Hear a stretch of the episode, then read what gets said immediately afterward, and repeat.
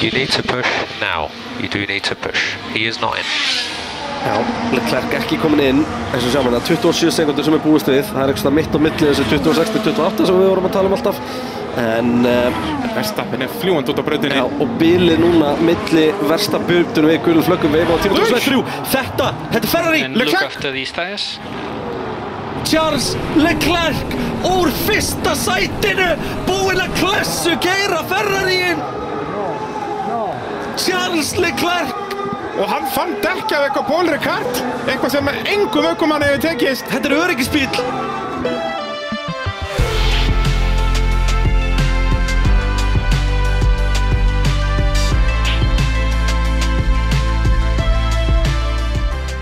Jú, pitturinn hilsar, bara í það er langt síðan að við sættust niður og, og tókum upp pitt. Það eru rúmar tvær vikur, er það ekki? Já, og ég er kominn, ég er kominn, ég, ég náttúrulega er indalistrengur, Já. eins og þú veist.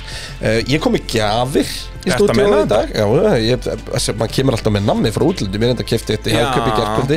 Já, þetta var ekki í fríhöfninni. En uh, að sjálfsögur gerum maður það. En ég heyri bara í rappurnum, sko, þetta er veistla. Hvað ætla þetta að sé? Þetta er krúllett, Það þetta er líka- með eh, nammi fyrir brallan. Á á- á ég að fara að skúpa hvað þetta er strax? Já, við vorum ekki bara að byrja á því, við kannski byrjum á að minnast á að við séum í Nova Sirius stúdíu og podcastaðurinnar í bóði bóðleðar, verkvarðarsólunar, Viaplay, Wallis og Arena. Heldur betur. Það er nú bara svolítið svoleiðis. Heldur betur. Uh, og Alltaf ætlum að verið fara að- að alltaf tala viewing um party, franska já. kappaksturinn. uh, Viva la France Já. kapphústur eh, Paul Ricard er finn kapphúsbrut Tölum betur um það á eftir. Ég, ég er orðinn bara mjög langar í nammi. Hvað ertu með? Ég er ekki með namið að þess Nú? Nei Hvað ertu með? En ég hins vegar var í hagkaup í gær og ég ætla bara að viðkynna það, ég var í hagkaup að kaupa nammi Ég ætlaði þess að bara að fara í hagkaup og ná mér í nammi og leggast upp í sófa og taka lit í kvöld Aldrei svo vant, Ó, því að ég hef fíla. aldrei verið að þreyttur eins og eftir þessu ferð Já. En það stoppaði ég ekki allan Nei. tíman En svo, svo bara held ég á, beint í ég held á, formúluútsendingu held bara. á, á nammi og eitthvað svona og bara enga körfu, skilur hann ekki að kaupa Nei, nammi ekki sjálfsögðu ekki, sko. eitthvað Kem ég að svona Formúlu 1 trading card game Býtu, er þetta rekka? Max Attack? Eða hvað Þetta þetta er- heitir? Turbo þetta er Attacks? Turbo Attacks. Attacks? Og ég allt í henni áttaði maður því að þarna var ég, 33 ára kallmaður með Já. tvo pakka af íþróttaspilum og nammi Komdu í með þetta. hakk- og mætti fullt af fólki Já. Sko, Komdu með þetta, ekki mikið þetta byrju, núna. byrju, byrju, byrju Eh, Ætlum við að opna þetta núna Já, það ekki. Þú maður sjá hvað ég fáum uh, Þú maður draga einn Fá þennan. Ef að búa til lið ég, ég, ég, hef Hvað aldrei- er í þessu? Ég Ég bara var- veit það ekki sko Það eru væntanlega einhver ökumenn og Talandi eitthvað. þetta, maðurstu Ég sendi þér mynd þarna eins og Red Bull eru með risa Það er- standa Já, og það er vinningsleikur að komast til og svo, hvað og svo Ungverðarlands sé ég er það þetta, ég elska fórn Hörðu, hörðu kallið minn Boom, live action Charles Leclerc Ertu með live action Charles Leclerc? Já, og hann er, nei hann er ekki glans Heyrðu, hvern fæ brandurinn fyrstan? Hvern? Daniel Daniel Ricardo, Ricciardo. minn mann uh, Ógæðslega lélugur formúleintökum maður Herðu, Ég er með Ricardo Ok, what the hell Ok, hérna er ég með Ég er með, ég er með einn alvöru pappastrák uh, En ertu með eitthvað glans? Já Ertu með glans? Ég er með tvo glans Ég er með þrjá glans Ertu með þrjá glans? Hól Ok, liðið mitt er að fara að rústa liðinu þínu, gæli minn Sko, ég er með eitt glans og það er ekki einu sinni formúleintökum maður Herri, ok, þessi pakki sem ég fekk er bara svindl Það er svoleiðis, býttu að segja mér Nei, byr, byr, byrja þú á að segja mér frá pakkarnu þínu Ok, ég er með Daniel Ricardo, ég er með Hero Carlos Sainz Ég veit ekkert hvað það þýðir Það, ég er með einhvern idol, emitt Og Gammundur, svo- veistu hvernig ég er með? Hvern? Ég fyrir keppnistjóra My crack Ég er með my crack Ok, við Herðu, erum- síðan er ég með Kevin Magnússon, okkar allra besta Já, við þurfum að búa til lið Herðu, ég er með Og Þisvar Fernando Alonso Djúvill er hann látt reytaður í þessu Hvað er hann? 78 í attack og 81 í defense Já, hann er alltaf með meira í, í defense uh, Síðan er ég með geitina, uh, Latifi uh, Já, já Herðu, síðan er ég með Max Verstappen Það er nú ekki amalveg pakki Býtu, hvernig Max Verstappen? Svona uh, bílinn hans einhvern veginn Svona ekki, það er ekki andlitsmynd á honum Nei, ég geti mögulega. Hvað er hann með í skór hjá þér? 85 og 83 Nei, ég er að fara að pakka þér. Wow, ert þú með spe- special edition Síðan er ég með Júkis og Nota Og síðan eina glansbili mitt Er Oscar Piastri sem er ekki í Formule 1 okkur maður ok, ok. En ég fæ glans Óskar Piastri og Ok. svo, nei, heyrðu, ég er með annan glans Heyrðu, ekki nóg með, að ég fæ Daniel Ricardo Ég fæ glans tussuna Okkar allra besta Sebastian Vettel Það er jólaðið þessum, þannig ég er með glans, Vettel og, og uh, Ricardo Við getum ekki skrifað þetta betur Nei. Það er bara svoleiðis. Þetta var- að Fólk heldur ekki sé feik. En ég, hérna, ég svona, þú veist hvernig FIFA Ultimate Team virkar? Já, Á, í fyrra þá fekk ég FIFA, var að stríma honum, mm. bara eitthvað í há- hádeginu. actually, út í við vorum hérna ég bara Löðrandi datti léttir FIFA bara. í, í COVID Já.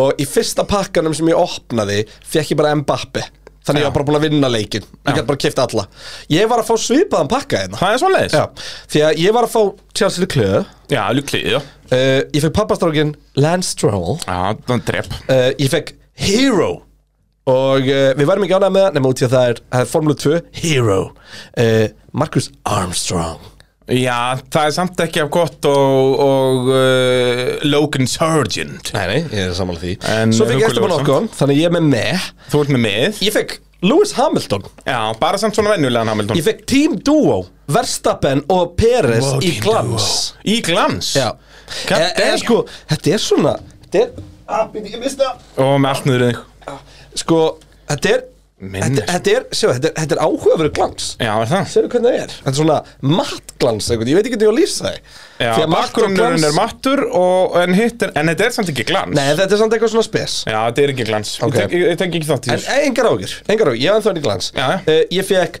Off the Track Pierre Gastli Ok, Ég veit ekki af hverju ég fekk Off the Track Pierre Gastli til, til að mikið með það En sérst allir þessi fyrstu, hann að Landstról og Leclerc og Hamilton Þeir eru allir og on Ocon, track. Þeir voru live action Já, Ég fekk live action Vestappen, sko þannig að gróta Já, þig ég fekk Superstar Verstappen í glansi Superstar Hvað er, með- hann reytaður? Hann er 96 að takk allir minn Boom! 88 fans, þú varst með Max og líka það ekki Jú, hvað er- var minn? 85 og 83 Þannig að ég er uh, að pakka þér Já, það er óvægt að segja það sko Eh, Óvægt að segja það Svo fekk ég uh, Pierre Gastli í glansi Já, það er nú ekki frábært ah, Hvað er hann, rólegur. 76 er þetta? Ég fekk glans ædoli þitt Og ég, þe- veistu það, þetta er gjöf Þetta er gjöf frá mér til þín Býtu nú við Gjörðu svo vel Býtu ég ætla að sjá þetta Nei, það er glans Daniel Ricardo Minn allra besti Máður sem brýtur um í hjarta hver einustu helgi Já. uh, Rocksolid níundasættu um helgina Með 92 í attack og 85 í defense Náði næstum því að halda Esteban Okkon fyrir aftan sig um helgina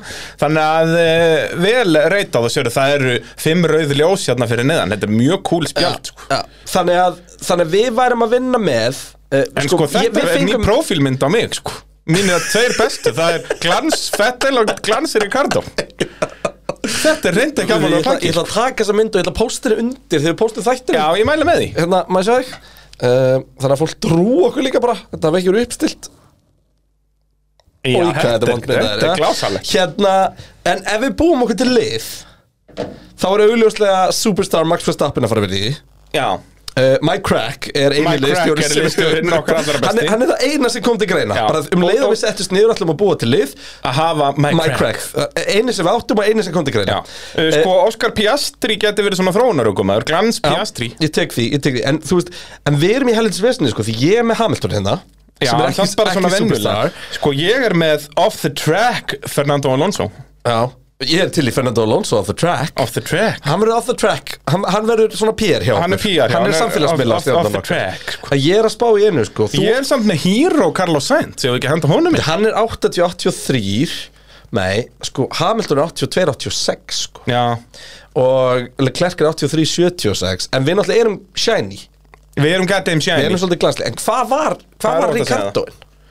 Ricardo Insiani, hann er 92 og 85 sko Herri, þetta er verðstapin og Ricardo Já, búm, okkar allra það er bara gamla Red Bull line-upið mætt Já, uh, Það er bara svoleiðis reyndar er hérna 92-88 line-up Herri, Já, hvað- það er svoleiðis. Það er eitthvað auka hljóð hérna Já, það ekki, ég er að slökka á símanum mínum Þetta er allt Menn oft er komin í tómu burtu. steikjum En við fengum engan bíl Nei, eru bílar í þessu líka eða? Ég myndi halda að svona ljósið þess að Mike Crack er að- Herðu, við bara þurfum að gera þetta aftur einhvern tíman Þetta var Til að fá bíl, skemmtilegt. þetta er, þetta er hugulegt Þú sagði þetta er lögulegt Já, ég var, ég var ekki viss með þetta, ég veit ekki það uh, En uh, það er nú líka lett senda að bætast í hópinin á pitturum.is Eh, Ef að þið viljið fá fleiri pitstætt uh, elsku hlustendur Af hverju er ekki til svona, svona B-Dog spjald Þurfum að tala um það Já, sem býr það það er, til Hvað veist þú um það að það sé ekki til? Við erum ekkert með öll spjöldin Ég, já, jú, já, myndirna sem voru að beða um að senda Já, já Spáði ég að bralla lík lands Bralli í glansi við Hvað þurftum að- væri þú sem? Þú verður ekki superstar Ég væri off the track og ég Er það væri ekki? svo dölvaður Það er það sem ég væri Þú væri dottir hún í skurði Það Já, væri ég bara svona væri- mynd á skurði Ég og væri stígvélum rámgeður, upp já, úr stígvél upp úr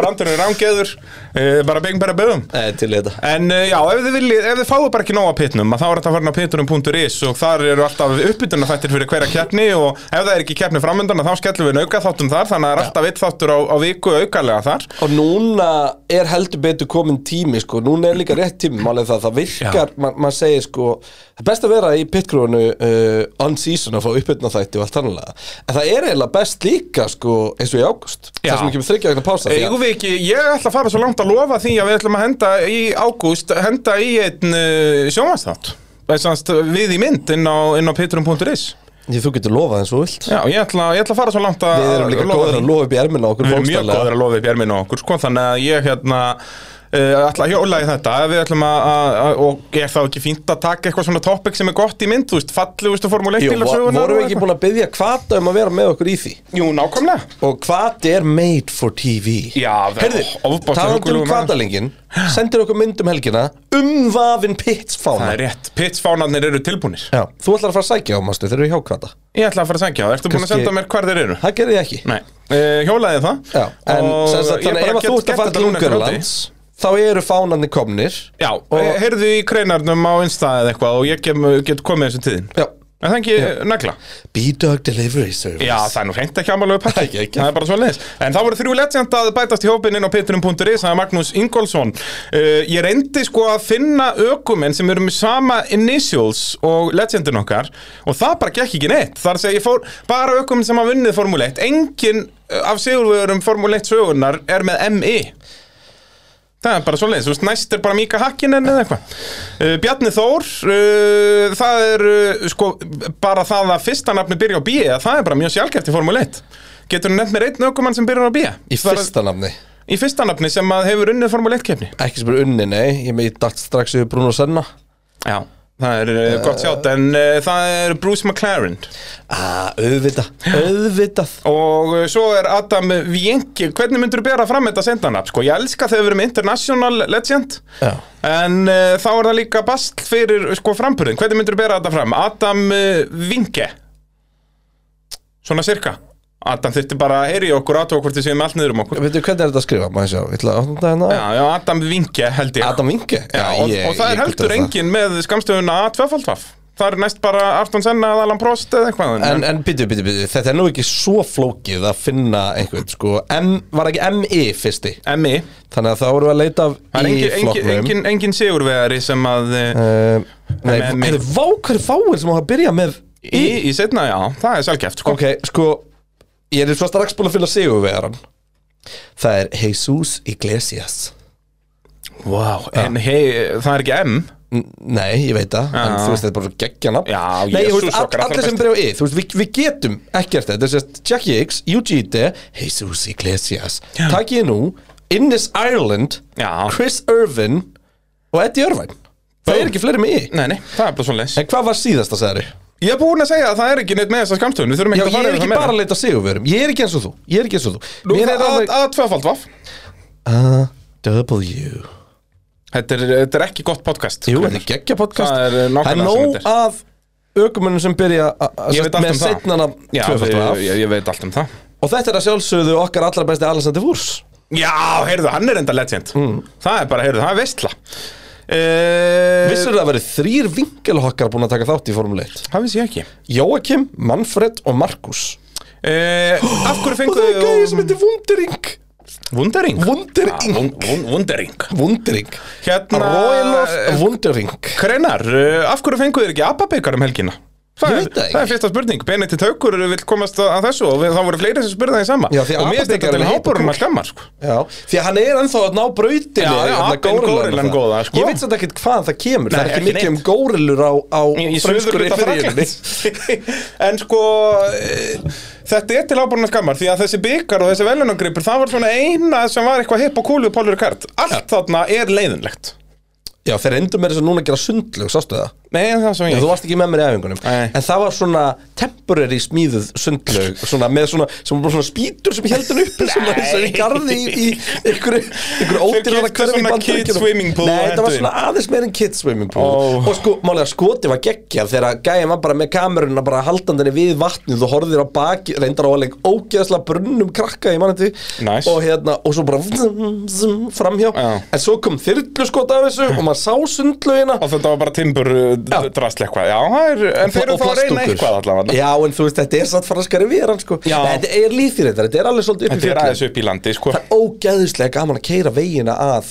hérna, Að Paul Ricard? Já, Eh, það er allt þú veist, svona Ekki spyrja franskir- Frank Williamsand En þú Nei. veist, það, var, það er ógæðislega gaman hann að Þetta er allt svona Þetta er svona, mér langaði gæðveitt að vera þú veist bara blæju mýjöndu eða eitthvað svona. að Þetta er röra upp, þannig þetta er vegi. svona Já. þröngir hérna, sveitavegir Þarft aldrei að fara yfir, þú veist, 80 km hraða Nei, nei. En þið líður eins og þú sér bara a goddamn rally the drive shit, the Þetta þetta er shit. þetta er basically bara alveg svo mónukoralið Já, basically, bara uh, huggulegt Já. Það er bara svona leiðins Við ætlum þá að byrja að tala um Red Bull Racing RPPT Já, eða hvað á að Red tala Bull um það? Power Það kjaftar Train. allt upp í þeim. Þeir eru í fyrsta seti heimsvæmstaramótunum með 396 stig eru núna komnir, hvað, þetta eru ykkur á 80 stigum á undan eh, Ferrari um það bil Verstappen að pakka heimsvæmstaramótinu þar sem að Ferrari eru svolítið að sjá um sig sjálfi núna, ræsti enn einu sinni í öðru seti og vann eh, samt Sergio Pérez glatar þessa helgina ræsti þriðji, endaði fjórði eh, en er samt að nálgastlega klerk í heimsvæmstaramótinu en, en þá í eh, þriðja sæti Og áfram halda Max og Verstappen að- áfram að bæta metið að, að Max hvað og Verstappen? vinnur marg, nei, Max og, og Leclerc Hvað Max vinnur marga keppnir og Leclerc er áspólum Þetta er svo magna, þeir eru jafnir með hvað 16 ráspóla uh, Sko á þess tímbil eru 7-7 Sigrar og áspólar Já, en skil, á ferlinum, þeir eru báðir með 16 ráspóla Já. Sigrar 27 á móti 5 Já.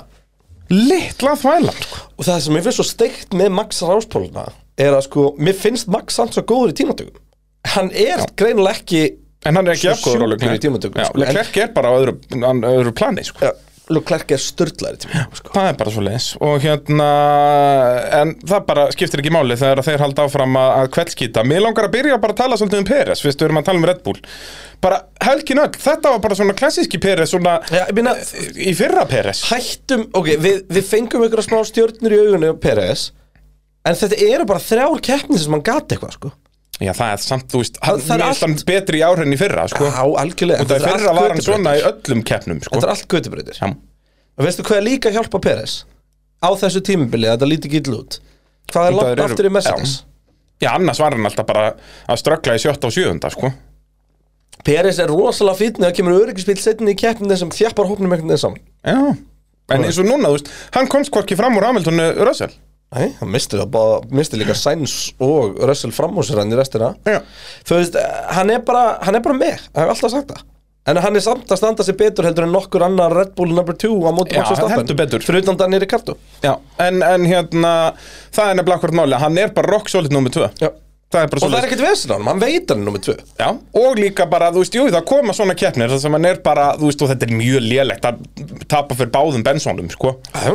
En Hann það satt skiptir fjórði. einhver máli Já, Og undan báðum ferriðunum Já, og skilur Benz er aldrei að fara að ná Red Bull þú veist, Þetta skiptir engum máli fyrir Red Bull sko, Hvort hann hafi verið þriði eða fjórði Eða annar Ánæður að sjá að Benedikt Haugur sem spyrir okkur hérna, af hverju fengur ekki apabikar hendi í górilu emoji Górilu Ég emoji. vissi ekki eins og það væri til Það, Ég er náttúrulega ekki í emoji í game'num sko, Þannig að ég veit ekki neitt í þessu sko. Nei, mér finnst það töff Þetta er alveg að negla uh, Ég ákvað að negla þessari spurningu hérna en Þórarinn uh, spyr uh, Eru liðin ekki farin að taka vélarefsingar fyrra á þessi tímubili en á tímubilinu fyrra Ef svo er hvað valda því fyrst þau eru að nota sömu vélar og í fyrra Það er náttúrulega nýja bensínið Já, og- sem kom svona, e, svolítið aftan að okkur bara eins og í prísisum testing og eitthvað að, Jú, jú, við sem að var að koma nýtt bensín og eitthvað en þetta var miklu meira vesen fyrir liðin en við byggumst við Já, er það ekki líka með einni ferri?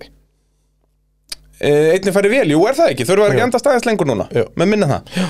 Nei, betur var það bara girkassin Það er allavega eitthvað, þarf að vera aðeins meira reliability og það er svo sem ekki það sem er eitthvað svona Nei, þú veist, þetta eru stóra, bilanir þetta, er- bara. þetta er, já, þetta eru bilanur og það er út af þessu nýja bensinni sem var alveg, sérst, og, og hérna, leiðismenn töluðu alveg um það, sérst, þeir sem eru í véladeildunum að að þetta er í rauninni bara stærsta breytingin síðan 2014, bara þegar Turbo Hypdir Já. komið fyrst, sko. Þetta kom öllum rosa óvart virðist vera Já.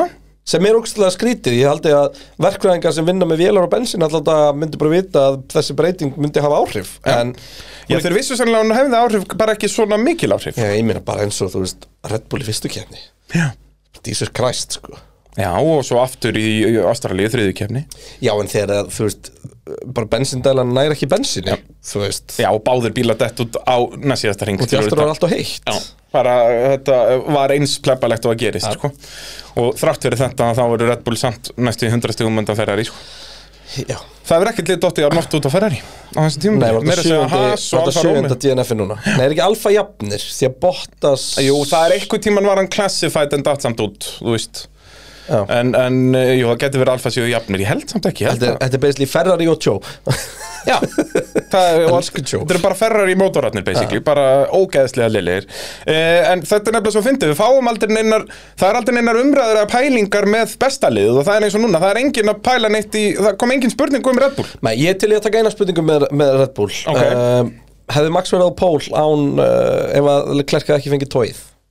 Nei, Nei, ég held ekki, ég held að það hafi bara verið svona Ég held að það hafi verið ógæðuslega tæft en Klerk var aðeins betri ég bara Vestappin tapaði svo miklu bara á fyrsta tímatökusveið Já, en bílinn var settur hann upp Já, já, vissulega Þú veist, um, En en nei, ég held, jú, Vestappin hafi verið nær en- hvað, það voru þrý tíundur hlutur á milli þeirra En var Max það ekki? reyndar sagði sjálfur í viðtalið að hann held ekki að vera þrý tíundur hlutar í tóið sko. Nei, ekki Þetta væri, þarna, sko. hann væri kannski tveir Já, ég held að það sem meira svona rúmlega einn Já, ég hugsa að þetta hefði verið svona 0,08 uh, á milli þeirra Þetta hefði ekki Heldur verið meira að það farið eh, svo látt Tóið var beautiful og settur Já, hlutur á reynda milli. Sainz var ógeðslega segur í þessu sko, þetta var geðveikt sko Ótrúlega En vel gert ógeðslega fyndið, svona típist ferri, ok, ég gerði eitthvað kúla Já. það En hérna, á fyrirhringnum, Leclerc vissi ekki hvar Sainz ætlaði að færa sig frá Nei, það var bara surprise Já, og það er alveg óþælt, var elda bíl sem allt í nú skýst til hliðar Já, og rétt- skýst til hliðar þannig að þú sérði ekki Apexi á beigunni Já.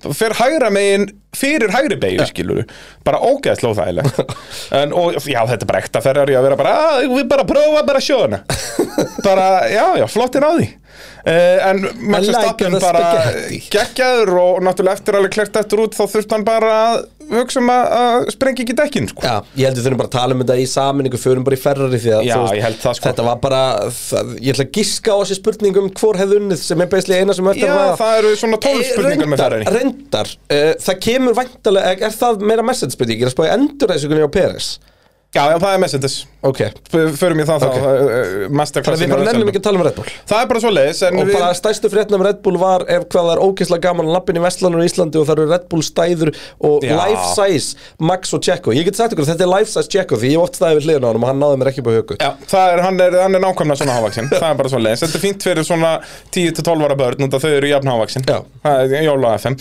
en uh, það sem við nefnum að tala um að það er Viaplay það er alltaf að gerast þar uh, og ef að fólk ætlar nú að skella í Movie Night í kvöld að þá ætlar brallin að mæla með Tropic Thunder Herri, sástu, sagði ég frá því Þú, því, þú náttúrulega beilaðir á mér á, á fyrsta álega Já.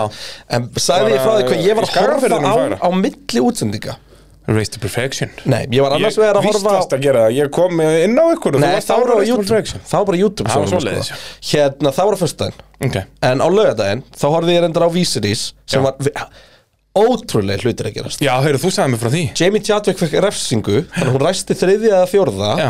Og hún var ekki fyrst í tvær beir Já.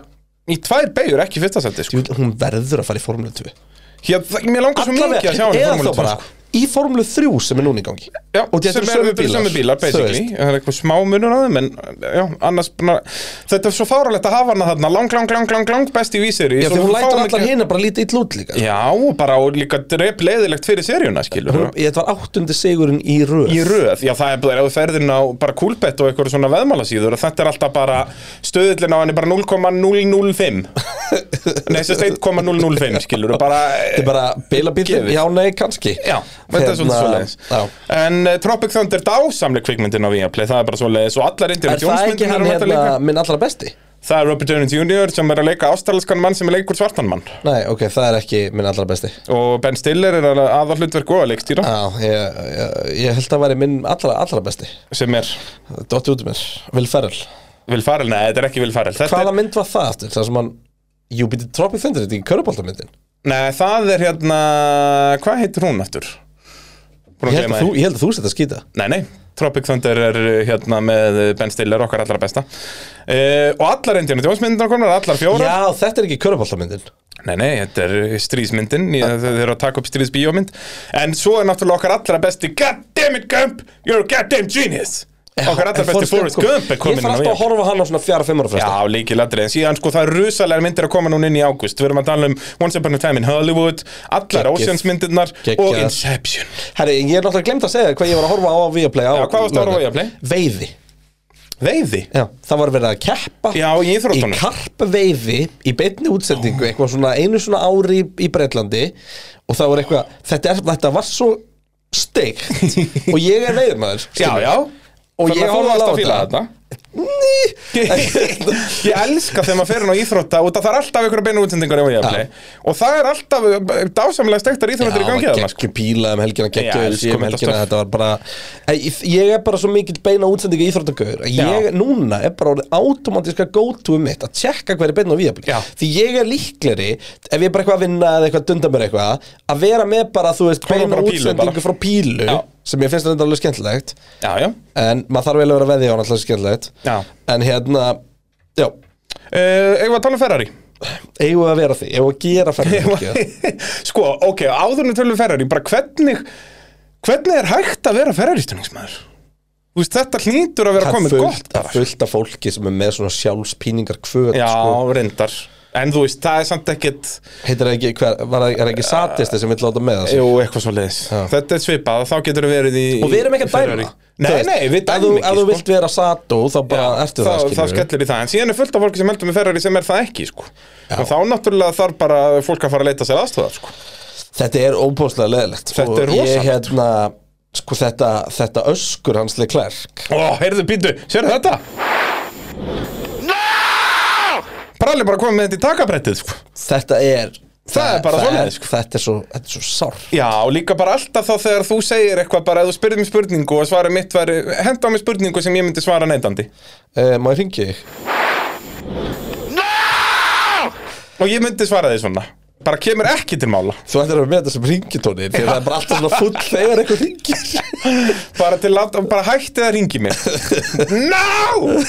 Nei, en hérna, þú veist, þetta er bara Hollywood-level öskur, sko Já, já, en hann líka reytið að hans var óvart í gangi hann ætlaði ekkert að brotkasta þessu sko hann var bara brjálaður inn í sér Já. en bara talstöðan var óvart í gangi og hann sagði strax bara til að taka allan vafa af og því að ok, við náttúrulega heldum með við það sem að Red Bull-görinn sagði hann inn í stúdíun eftir á að, að hérna, bensíkjörni er fest aftur inni og það voru náttúrulega margir að túlka skilabúðin Já. þannig en þau eru náttúrulega eru ekki í syngi sko Nei, þá er hann í skilabónum þegar hann talar um eitthvað- kemst hann ekki á gjöfina að reyna bakkvæmt vegna því að bíli var þannig sé ekki tjónaður Nei, nei, Þú veist, þetta er bara smá framvægs, hann var ógislega heppinu því hann rétt missir af öðrum, þú veist, það er svona eins og með nær svona Nei, það nei, það er svona hérna Þú veist, exit road uh, Því að hann hefði bombaði það sko Ef hann hefði farið á það En þarna sér, sér maður hvað það hægja mikið á En þetta voru bara skýta aukumannsmistök Já, bara 100% aukumannsmistök Það sem er svo leiðilt er að þetta rændi okkur Svo ógeðslega áhöfari keppni Já, þetta Ferrari voru væntalega að fara á einstoppa Ég gerir ráð fyrir því, þú veist, því að hann var búinn Max var búinn að öndurkvæta hann Já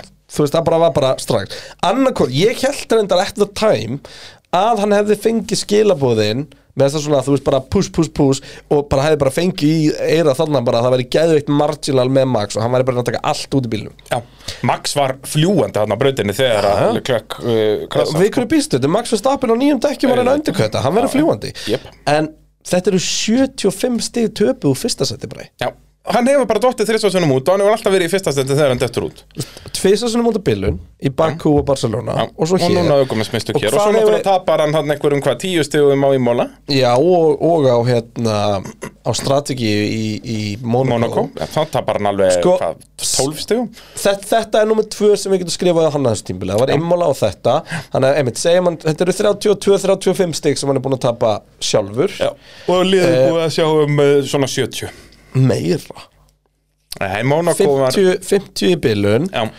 svona 12 í Monaco var hann ekki fjórði hann hefði unni Monaco Já, er það ekki Eh, 12? Þannig að 13 Jú, já, já, hann fer, fer, þetta, já, það er tíu fyrir 15 stig Já. Hérna, já um, Hérna, já, einmitt, 13 stig þar Þannig að hann er komin upp í hvað? 62. 62 um, Og svo held ég að við getum alveg tínt til meira ef við fyrir að skoða, sko Já, þú veist, þetta eins og ég segi, þetta slefar ábygglega alveg í rúm 70 sem að liðið er búið að kosta Og hvað er langt á milli Max Verstappen og uh, Charles Leclerc? 63 Já. Þannig að bara 100% uh, Hvað er Red Bull búið að kosta Max mörg stig?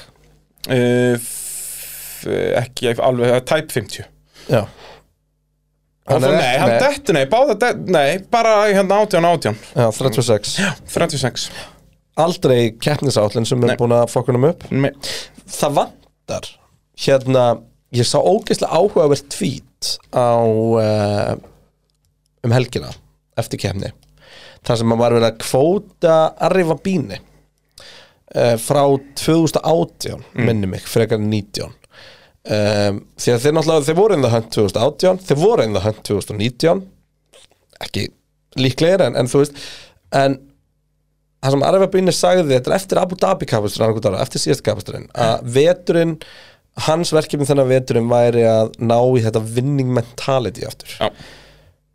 það er bara ekki til Nei, það er ekki til staðar hjá Ferrari Það er bara svo Red Bull stop at nothing til að vinna Mercedes stop at nothing til að vinna alltaf one point með strategir alltaf one point með alla þessa Ferrari hluti eru bara að trúðast alltaf eitthvað Já, en veistu hvað ég held að máli sé? Ég hef nefnilega búin að vera að hugsa tóksla mikið og tökum strategið næstum dæmi sem við munum nú þurfa að ræða hérna eftir líka Já. um, Ferrari er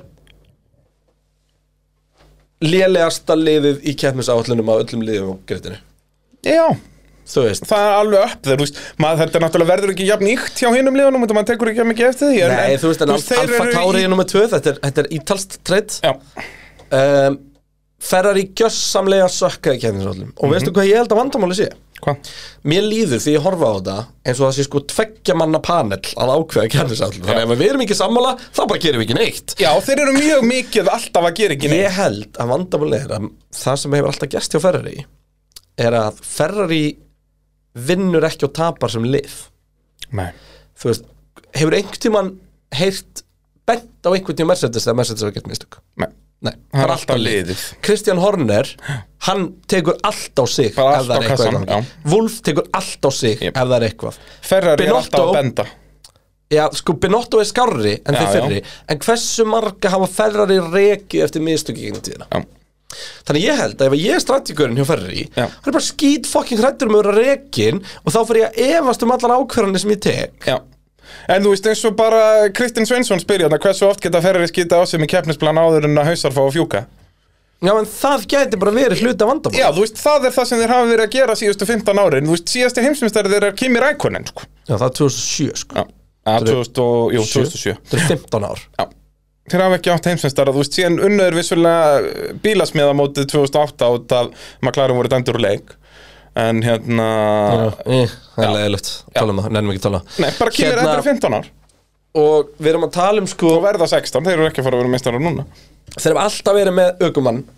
Keimbúl að vera heimsmyndstari Já, þú veist, þeir fara úr Kimi Rækunen ja, jú, massa verður það næstu í það, en það er slakasta dræfilegnubu sem þeir hafa verið með hana, þegar massa verður næstu í heimstari ég en þá var samt Kimi með honum já, reyndar Kimi bara var eitthvað aflítur það tímbil en þú veist, ok, svo kemur Alonso inn um, bara eitt bestu ökumæður samtímas ok, slakasta line-upi var enda þegar Kimi Rækunen vann á spa og hann var með honum henni þetta Luka Badover Já, og náttúrulega þú veist 2009 setna þú veist þegar fysikella kemur inn og eitthvað skilur en, ok, 2010 Alonso og það, skilur við um, fara frá Alonso yfir í Fettileg hegi mm, Sko hvernig er þetta? Er Alonso Massa er þarna alveg til 13 14 er Alonso ennþá Hver er, þá er ækonin komin aftur er ekki Alonso og ækonin eitt Alonso ár Rækonen áður en að hafa verið Fettel og Rækonen svo verið fettir ækonin 2015 og svo fara fáður Leclerkin í staðin fyrir Kimi Bara alltaf og geggjað svo ökumannslæmi Sainzinn í staðin fyrir Fettel þeir eru alltaf með allavega einn,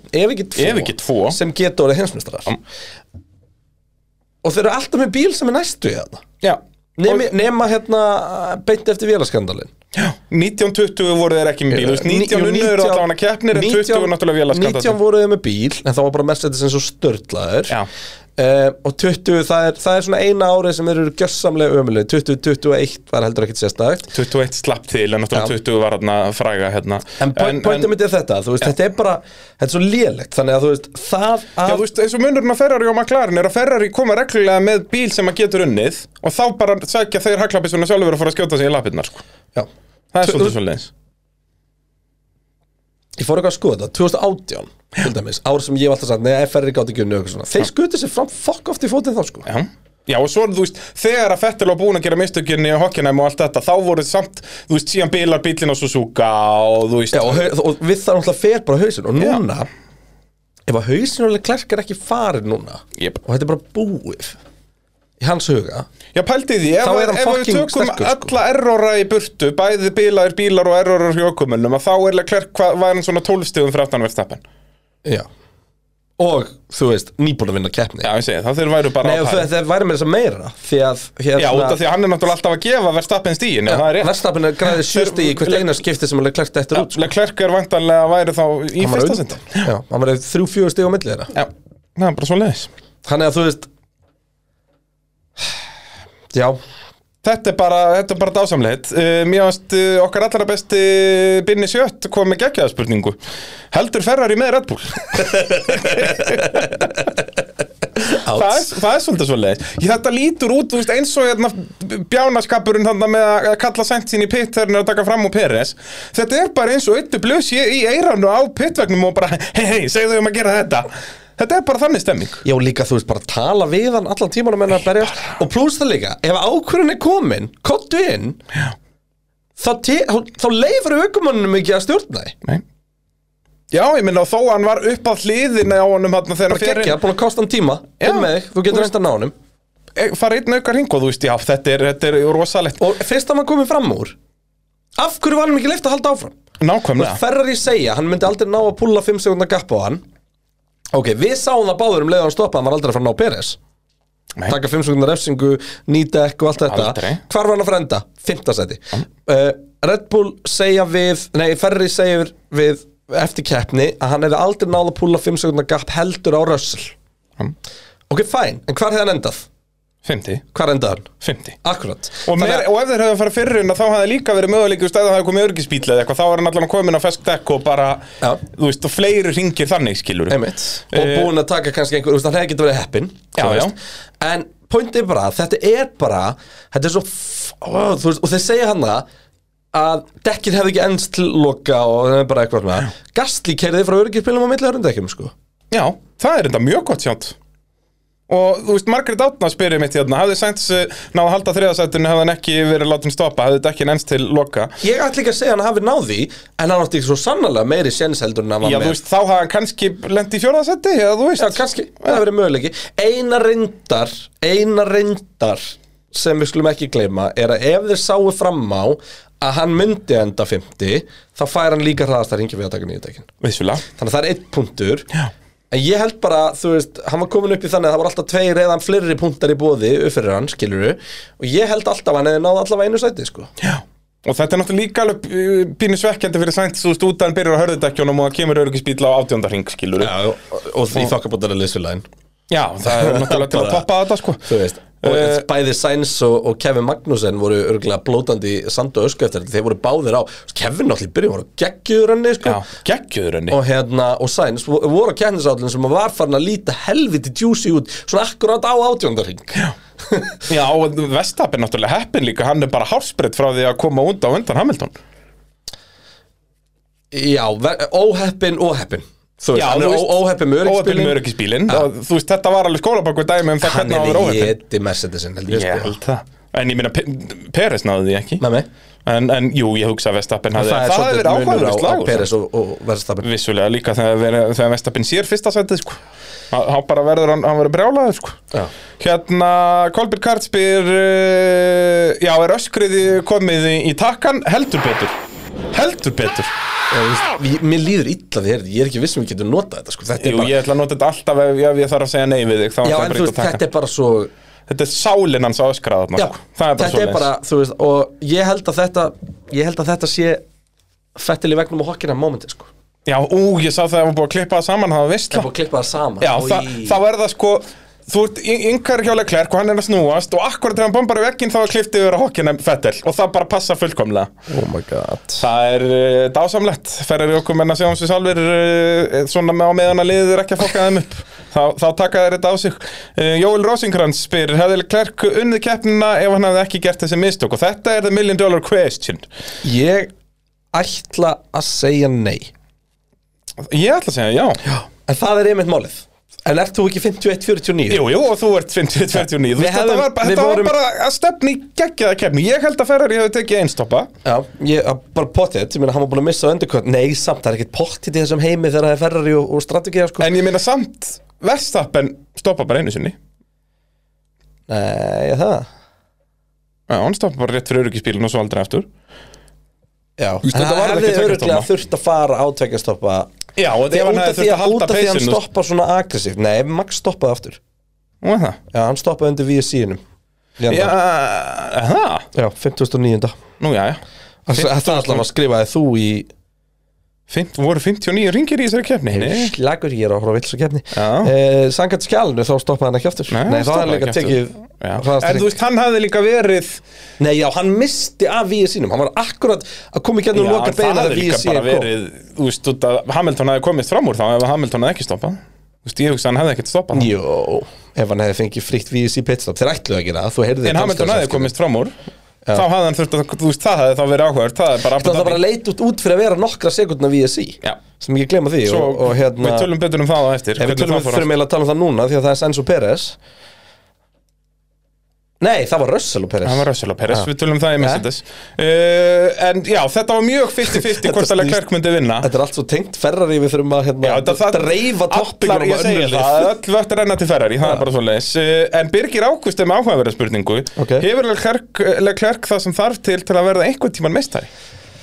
Já, Já, ég er 100% að því Þa, Þú veist, þetta, núna er hann í fyrsta skipti að berjast um heimsmeistaratitil og þá gerur hann mikið af mistökum en hann þarf bara, þú veist, þetta fer hann bara sagði beint í náttúrulega fangan sjálfur og ég á ekki skilið að vera heimsmyndstari við gerum þessi mistök En málið er það Leclerc er aukumæður sem að er að taka allt út í bílum Hraðin hans er styrlaði Leclerc er svona pínu senna esk í þessu Já, það verður occasional mistökin Hann villir með yfirstyrjan bíl sem er hægt að keira stórkostlega hratt Hann, En þá mun hann líka gera mistök með 55 sekundna fórskot í Monaco Þú veist, já, eins og senna gerir senna skilur, já Þú veist, Þú veist, og- hann er þessi típa, skilur Punturinn þarna er að þú ert liðstjóri Hvort viltu sturla hraða aukumannin sem gerir tvö mistök á tímabili Já eða viltu Peres sem gerir engin mistök Hann er bara í fjórða í, þú veist, Já, þú veist, og auðvitað þremur viltu hægum. hinn og, og eins og ég segi, Leclerc Þú veist, einhvern tíman mun þessum mistökum fækka, ég trúi ekki öðru En þú veist, þeim, þetta á að vera búið hjá honum Þeim núna er náttúrulega búið að fækka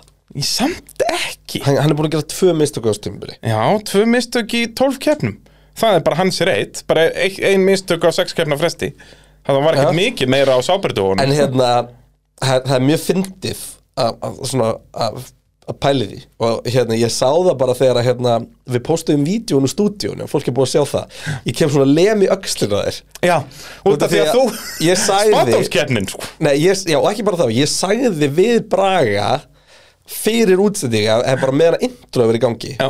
Leclerc er ekki að fara að ká- klára þess að kemni Já, Já og þú, þú ert líka með það í spátdómskeppninni sko. Þú ert að fara að pakka mér þar Nostradamus Þetta er rosalegt, sko, reyndar sagður alltaf að það væri vélabilun En það er DNF er DNF Það Já. er bara svoleiðis uh, eh, Jóel spyr hérna aftur Var gerðsamlega ómögulegt fyrir heldur Sainz Að ég er, enda al- ofar en ég er fintasettir aldrei að fara að spána einum þótt ég haldi það Nei. að segja það eitthvað ofnberg hann opinberlega. krassa þar, allavega Já. ekki í toppslagnum sko. Nei, nei Þú En, en með Sainz, við töluðum náttúrulega um þetta aðeins áðan hvort þetta hefði verið möguleiki sérst, jú, eins og Gastli keiri til enda af millurundakjónum þetta var séns, en þú veist ekki hann litur nú ekki vel út, sko hans Sainz þegar hann kemur inn, sko Men, Hann var búinn að vera að taka svolítið úr þeim Þú veist, það En var þú bara veist, svo lítið eftir En maður horfir á alla keppna á Sainz Ekki bara þetta að Þá leikandi gæti hann enda ofar en 50 þú veist, Hann græðir engin sæti á fyrsta ring Sainz var ógeðslega góður í þessu- þessa helgi Já, veist, hann var ógeðslega hefði hann hraður í náð tímatökum. Bara fyrsta ring eins og Alonso Hefði hann bara náð upp um 5 sæti á fyrsta ring Já Og þá leikandi að hann geta verið Ég hugsa hann að vinna Peres Já, náttúrulega líka ef að Ferrari væri ekki ógeðslega ömuleg í öllu sem kemur að þessu Já. og sendi hann, þú veist, nánast með snertingu inn í hliðin á bíl sem er að koma eftir að hafa fokkað upp pitstopunars. Já, við tölum betur um það í verkvarasölunni verkvarasöluhotninu á eftir Já, það er mjög Þetta augljóst hver fær það allavega. Þetta er alveg jóla á FM, það er bara svoleiðis En hérna, tölum það á Mercedes út af því að það náttúrulega tengist Ferrari líka með uh, Russellin og, og, og uh, alle saman Já. Vá hvað þessi helgi lifnaði við hér. Já, það, þetta er bara, sérst, Mercedes komið með smá upphæslur núna og það virðist hafa ykt bílinn bara hvað það var að hann er ekki góður í tímatökum en geggjað race pace En þú veist, bara hann var humulur Málið Sekúnda það, hagar málið bara það í að öllum sessjónum. fyrir keppni ok, hérna, Þú ert eftir að taka message kynninguna, byrja á því Já, ég gerði það heldur ekki með Ferrari en þeir voru í öðru og þriða sæti ef það fór fram hjá einhverjum Ok, fjórða og sjötta í tímatökum og í æfingum var Lewis Hamilton að tapa tæpri einni og hálfri sekundu bara á beinuköflum á Max Verstappen Litla þvælan, sko Já. Ég Bara- reyndar las það eftir á að Hamilton var að prófa allar útgára vengjum sem að message sem Já. var gaman að sjá, þú veist, stemmingin í Hamilton svo sko hann glaður þetta keppni Já. Þetta er ekki Hamilton sem er að fara að hætta Nei, er það? Nei, Ég held að hann sé líka bara, hann er byrjað núna að fá trú á þessu projekti, sko Já, klálega Ég held að- Og þú veist, og bara jákanin og, og allt í kringum þetta Og þú Hann veist, tekur næsta síðan og sér hvernig bílinn er þar, sko já, ég, ég alveg held að þetta gæti verið að lengja fyrirlinn hans Að, þú veist, ef hann hefði bara unnið hérna áttundar núna Þá var hann hætt Er það ekki? Jó, en ekki En hérna, en allavega Hann er náttúrulega ekkert gamall, hvað er hann? 37? 37, Já, þú veist, hann er alveg gamall En hann er ekki Na, gamall Alonso er 41, sko Já, Alonso er líka velminn Hann er rusalegt Hann er náttúrulega líka orðin, bara hann er alltaf að vera nær og nær bara Darth Vader eftir að hann lendi hjólastissin og er alltaf bara títan í kjálki Skipta, og skipta helma, bara léttan Já, bara fyrstléttur sko En hérna, sko Um öll hennan hraða hjá uh, öll- já, Mercedes og þú veist, hann var að prófa alla afturvængi og, og það er eitthvað, þú veist, allt í henni Hamilton fann að taka þátt í öllum pröfunum og öllu og eitthvað svona uh, satt náttúrulega út fyrstu hefningu, Já, Nick de Vries, kerði okkar allra besti. áhugavert, Robert Kubica kerði líka fyrir Alfa Romeo, það er ekki að fylla upp í kvótan því hann er ekki young driver Já, verður þetta að vera já, Jóngræður reglinn er svo að þú mátt ekki hafa átt meira heldur en tvær formuleitt kemdur held ég Já, Þannig að þú veist, það er væntalega gert til að svona Emerson Fittipaldi geti kert fyrir Haas þú veist, sem er ekki, bara- ekki Emerson samt Nei, ekki Emerson, hérna, hvað eti? Nei, Enzo, er það Enzo Fittipaldi, jú Þú veist Já, akkurat og hérna hann, hann hérna sem var í Williams, já, Jack Aitken og og svona eh, eitthvað svona, þú veist, einhvern, hann eða, þú veist Þetta er ekki til þess að Poldi Resta mæti bara Nei. Eða Robert Kubica Nei. En hérna Já, magnaðir í rauninni sóið því en náttúrulega Kubica er geggjaður Nei, það er akkurat pointið Þeir eru að fá hann inn til þess að Mm. pröfa Til þess að fá feedbackið Var hann í Alfa Romeo? uh, Já, Já, fyrir Joe þá nei, fyrir Bottas Fyrir Bottas, ok Já, Nei, En- Joe er náttúrulega ennþá að læra brautir og svona, já vissulega, vissulega Þú veist. En hérna Mercedes sögðu það bara eftir á að Hamilton hefur bara mjög snemma valið Paul Ricard sem brautina sem hann vildi mm Mhm. -hmm. bara verið nokkuð örugur á, á setup og annars líkt sem að síðan kom heldur betur á daginn, það var ekki örugt og uh, uh, þú veist, voru bara nowhere og voru ekkert líkli í tímutökum og fyrir helgi var Mercedes meira sem fara að tala upp sjensin sinn á Paul Ricard Já. Kristján Horner gerði það alltaf mest Það er sálsöðu eins og hann er meinum honum leiðist ekki að Það er hlusta þessu engin upp í- betri að peppa Mercedes heldur en Kristján Horner Nei, en hérna en uh, einhvern veginn þá Bara keppnisræðin er var geggjað. keppnisræðin bara til staðar Þú veist, þeir áttu aldrei keppnisræði Max og Leclerc Nei, nei. en þeir áttu keppnisræði rest sko. Já. og náttúrulega uppsker eftir því hann á Heldur þriða betur. sæti og, og, Og nú eru þetta Eh, þeir bara komin í slag við Ferrari já, þetta er það sem er, hvað er á millir Mercedes með Er ekki hvað, 270 40 44. 44 stig já, Þú veist, Það er ekki neitt í kemur bílasmiða sko. Það er stærsta svingi getur verið hvað 38 stig já, Nei, og- meira Fjö, 30 og- 25 pluss 18 þannig að 30 er 43 stig pluss hérna 44 stig. 44 með hraðstæring Búm Þetta er breytt sving Ah. þannig að hérna Og Mercedes sem bílar ekki Ferrari en bílar mest allra já, Þannig að þannig að þú veist bara ekkert ó- ólíklegt en, en sko Hvor heldur að verða á undan í mótunni? Ég held að Ferrari endur nú alveg mun ofar sko miða við hraðan sem ferri varnir að sína sko. En Klerk er að fara að vinna þrjár, fjóra keppnir eftir já en það ég sem meina eftir þú er veist hver tímabils. einasta bilun er líka frá því að vélar nei byrju það er náttúrulega búið að breyta því nei það er ekki Já, en það svona fer eftir hvað bilar í rauninni það var, Þetta eru bara, allt var það mjög ekki iffy hjá bara þeim. girkassin Jú, Eða hvað þetta er eitthvað svoleiðis að þetta er, þetta er mjög, sérst, ég man þegar við fórum yfir þessar reglur fyrir tímabilið Já.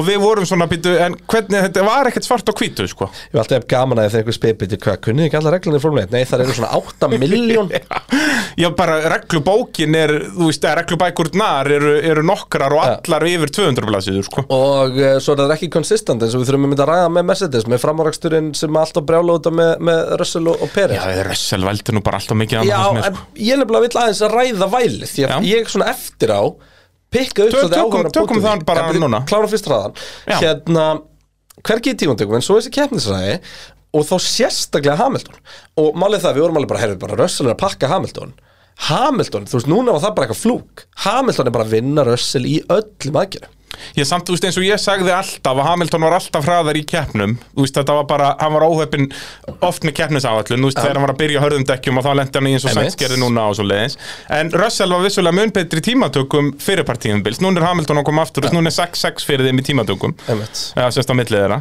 Þannig að Hamilton er að koma uh, aftur þar og það komi pínu óvart Þú veist, ég held að Russell er hraðar í tímatökum á Paul Ricard, sko Ég myndi halda að Hamilton verið hraðar í Ungverjalandi út af hann elskar Já, Ungverjaland en sko núna, það sem að Ben sögðu fyrir þessa helgi og því að var svo slettmálbygg og jari, jari, jari þá átti mm. Ben sem var geggjaðar og ég meina, hann var geggjaðar í kemni hann var lang þriða besti bílinn og eiginlega bara Nei, hann var ekki næstum þriðið, því. já, ég minna hann er bara bankant á dyrnar og var á undan Peres, skilur þannig að þú veist, hann vantar tíma já, ég get ekki sagt það á meðan að, þú veist, Max Ole Klerk eru miklu fræðari sko.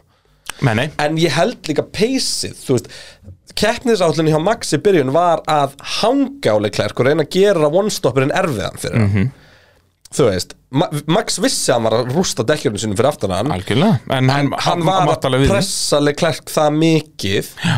og komst bara aldrei næla nálægt í gegnum hérna uh, æ, hérna Hægastöfið Já, þarna, þarna fremst. sjöunda beigurna þarna já, Fyrir, fyrir bakstritið emitt en hérna, all right, hérna En já, tökum pælinguna með framúraksturinn sem sagt þegar að Russell reynir að fara fram úr Peres, var Já, það ég, ekki? ég er sammála með þú veist, í mínum huga var þetta þannig sé ekkert brot, það er svona pínu iffi hreyfingarna á PRS, Mhm. en þetta er ekki raskat en það eru skilabóðin eftir á og það að Russell, ég meina hann segir hann það dekki mitt var upp við dekk, afturdekki, að komið fram fyrir já. afturdekki hans það var alltaf að tala um miðjan bíl ef að þú ert upp fyrir miðjan bíl þú veist erum við alvörun að tala um það að reglubókin sé orðin það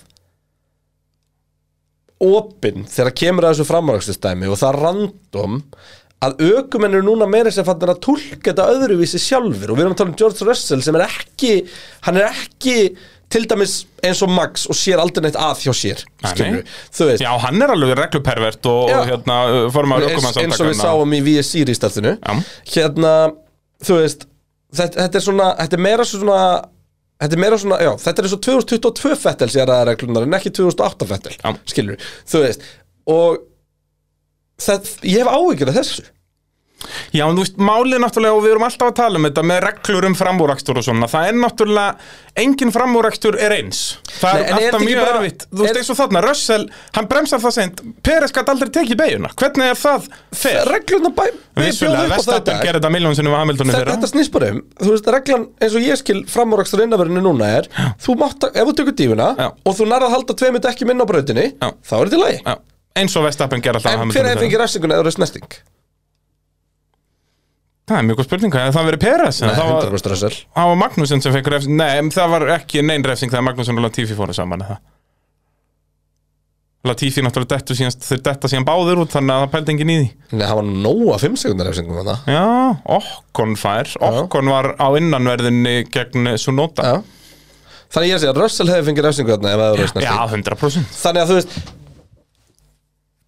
Þetta er snertingin hefði orðið út af því að Peres hefði ekki gefið plás Já, já, Skilur því að Russell var komin á innavöruna en hann, var ekki kom, hann átti ekki línuna mínum að því nei, nei Þú veist, ég er bara að segja, þetta, þetta er orðið eitthvað svo iffi Já. Þetta er orðið svo loðið og ég þóla það Það er mjög pyrrandi Já. Það er bara svo leiðis Alveg eins og þegar allt í einu, þú veist Eitt sem ég til dæmis verð að segja mjög spyrrandi Ok, ég veit að liðin vita með brautatakmörk og hvað er bannað og allt þannig lagað En í fyrsta skipti sem við sjáum brautatakmörk á innaverðinni í tímatökunum Í þriðjubeginni Það var þegar Mick Schumacher missir Og þú veist, pointið mitt er ekki það að þetta hafi ekki verið brot Hann fór um fyrir, alveg rétt En af hverju er þetta ekki gert í æfingum líka þannig að það sé komið fordami? Þannig að liðin viti það En þú veist, liðin vita það alveg Og ég elska reyndar núna Núna er komið konsistensi loksins í þessu brautatakmur Já, bara annarkvæmt ertu fyrir utan eða ekki, punktur. Það er bara hvítarlínur í kringum allar brautar á tímabilinu En öll fjögur dekkin fara út Já, fyrir en for ystapart fuck's sakes, hvítarlínurnar ekki búið til brauta sem þú græðir á að skera of mikið Nei, og, og, og þú veist, málið er að við erum alltaf að tala um okkur, er ekki hægt að hanna þá bara einhverja kanta sem að refsa þessu eitthvað, þú veist, og það er bara mjög flókið mál, út að þessi kantar verða þá að refsa Formule 1 bílum, en ekki drepa mótorhjálaugumenn, eða Nei, skjóta kantar- Formule 3 bílum. Kantar eru, pör, eru ekki pör- endilega hérna, Nei, en þeir eru það á permanent. flestum brautum. Já, en eins og þarna á einaverinni Ég er endar að hugsa, ef þeir eru snertikandi fyrir framann Við sáum krassið á Silvestón Skilur við En gerðu það bara eitthvað, settu hérna settu bara svona stiku Já. þú veist, þá sjá, þá fyrir þetta ekkert á milli mála ef þú snertir stikuna, þá er þetta þú veist, Nú, gerð þetta þetta, fyrir. gerð þetta visual fyrir okkur líka Já.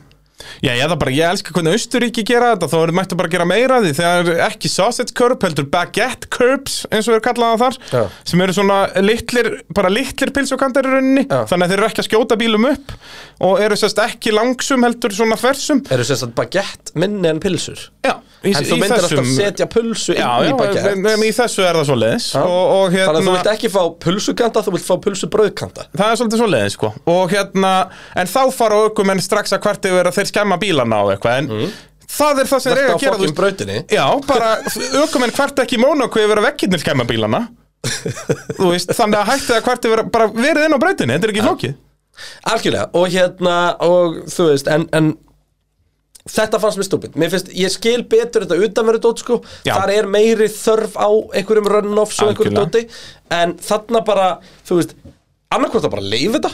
Já. Þú veist, bara, ok, hún fer ekki inn fyrir kanti, ef þá er þetta spurning, þá getur hún bara sleppt beginu. Tekið, jep Þú veist, á pólum eh, kant sérstaklega. Það er jóla á FM og pólrekart En hérna, en...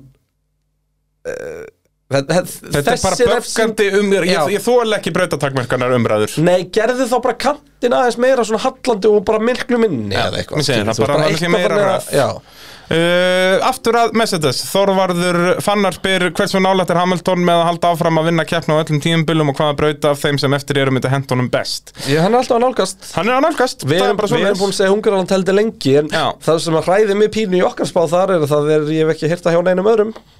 Nei og, og bara hún er að koma aðeins og snemma Þetta verður, ég hugsa að þetta verður bara Abu Dhabi eða eitthvað sko sem að verður besti sem sem fyrir það Já, ég held að sé fyrr. sko. Já, já, en þú veist, bara þeir eru alltaf að nálgast og Brasilía. nálgast Og náttúrulega bílinn bílar ekki, það er hendugt bæði Red Bullin og náttúrulega sérstaklega Þetta er, Ferrari þetta er heldis vesen þegar eru fjóru raukumenn sem vinna á undan þeir ef að bílið er að bílar ekki sko. Já, það En núna er en þeir núna eru mögulega búin að minka og niður í þrjá allavega. Já, jafnvel tvo Þannig að Ég verð að segja að mér finnst sæns, já mikið dröðlega við sæns, ég vil er hann búin að vera ógeðslega góður síðustu helgar. Bara svolítið, já bara Já, eftir- hann er líka bara hraðin, hann er á pari vilja klerki hraða, sko já, þú veist, kannski aðeins hægari En þá er það samt tjöfulli gott sko. Já, uh, Anton Björkvins uh, spyr hvers vegna var stafran öryggisbílinn svona lengi að enda Og Andri spyr hvað ætli Russell því búin að æfa þessa enduræsingu oft í simulator Tölum aðeins um þetta Þetta var aðeins geggjað. flóknar en það Eh, Það sem að gerist, sem sagt, er að stafræðni öryggisbílinn, þetta, er- þetta, er sem sagt- þetta er hardware, þetta er, þetta er bara, eða hardware software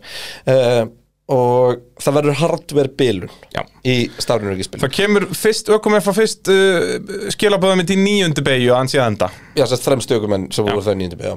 Og málið það tekur rúma mínútu að koma aftur í gang eftir það Já. Og það kemur bara ending og uh, Svo endar hann þetta, ekki þetta klikkar og þá er stokkið yfir á varabúnaðin bara strax Já, og þetta virkar þannig að sem sagt, og ef að fólk veit ekki hvernig starfinn öryggisbíl virkar að ökuminn hafa ennþá fulla stjórn á bílum þú veist, ef að einhver ökumar villir að fá þetta þá getur hann kert óksla hratt og fær hann bara refsingu Mhm.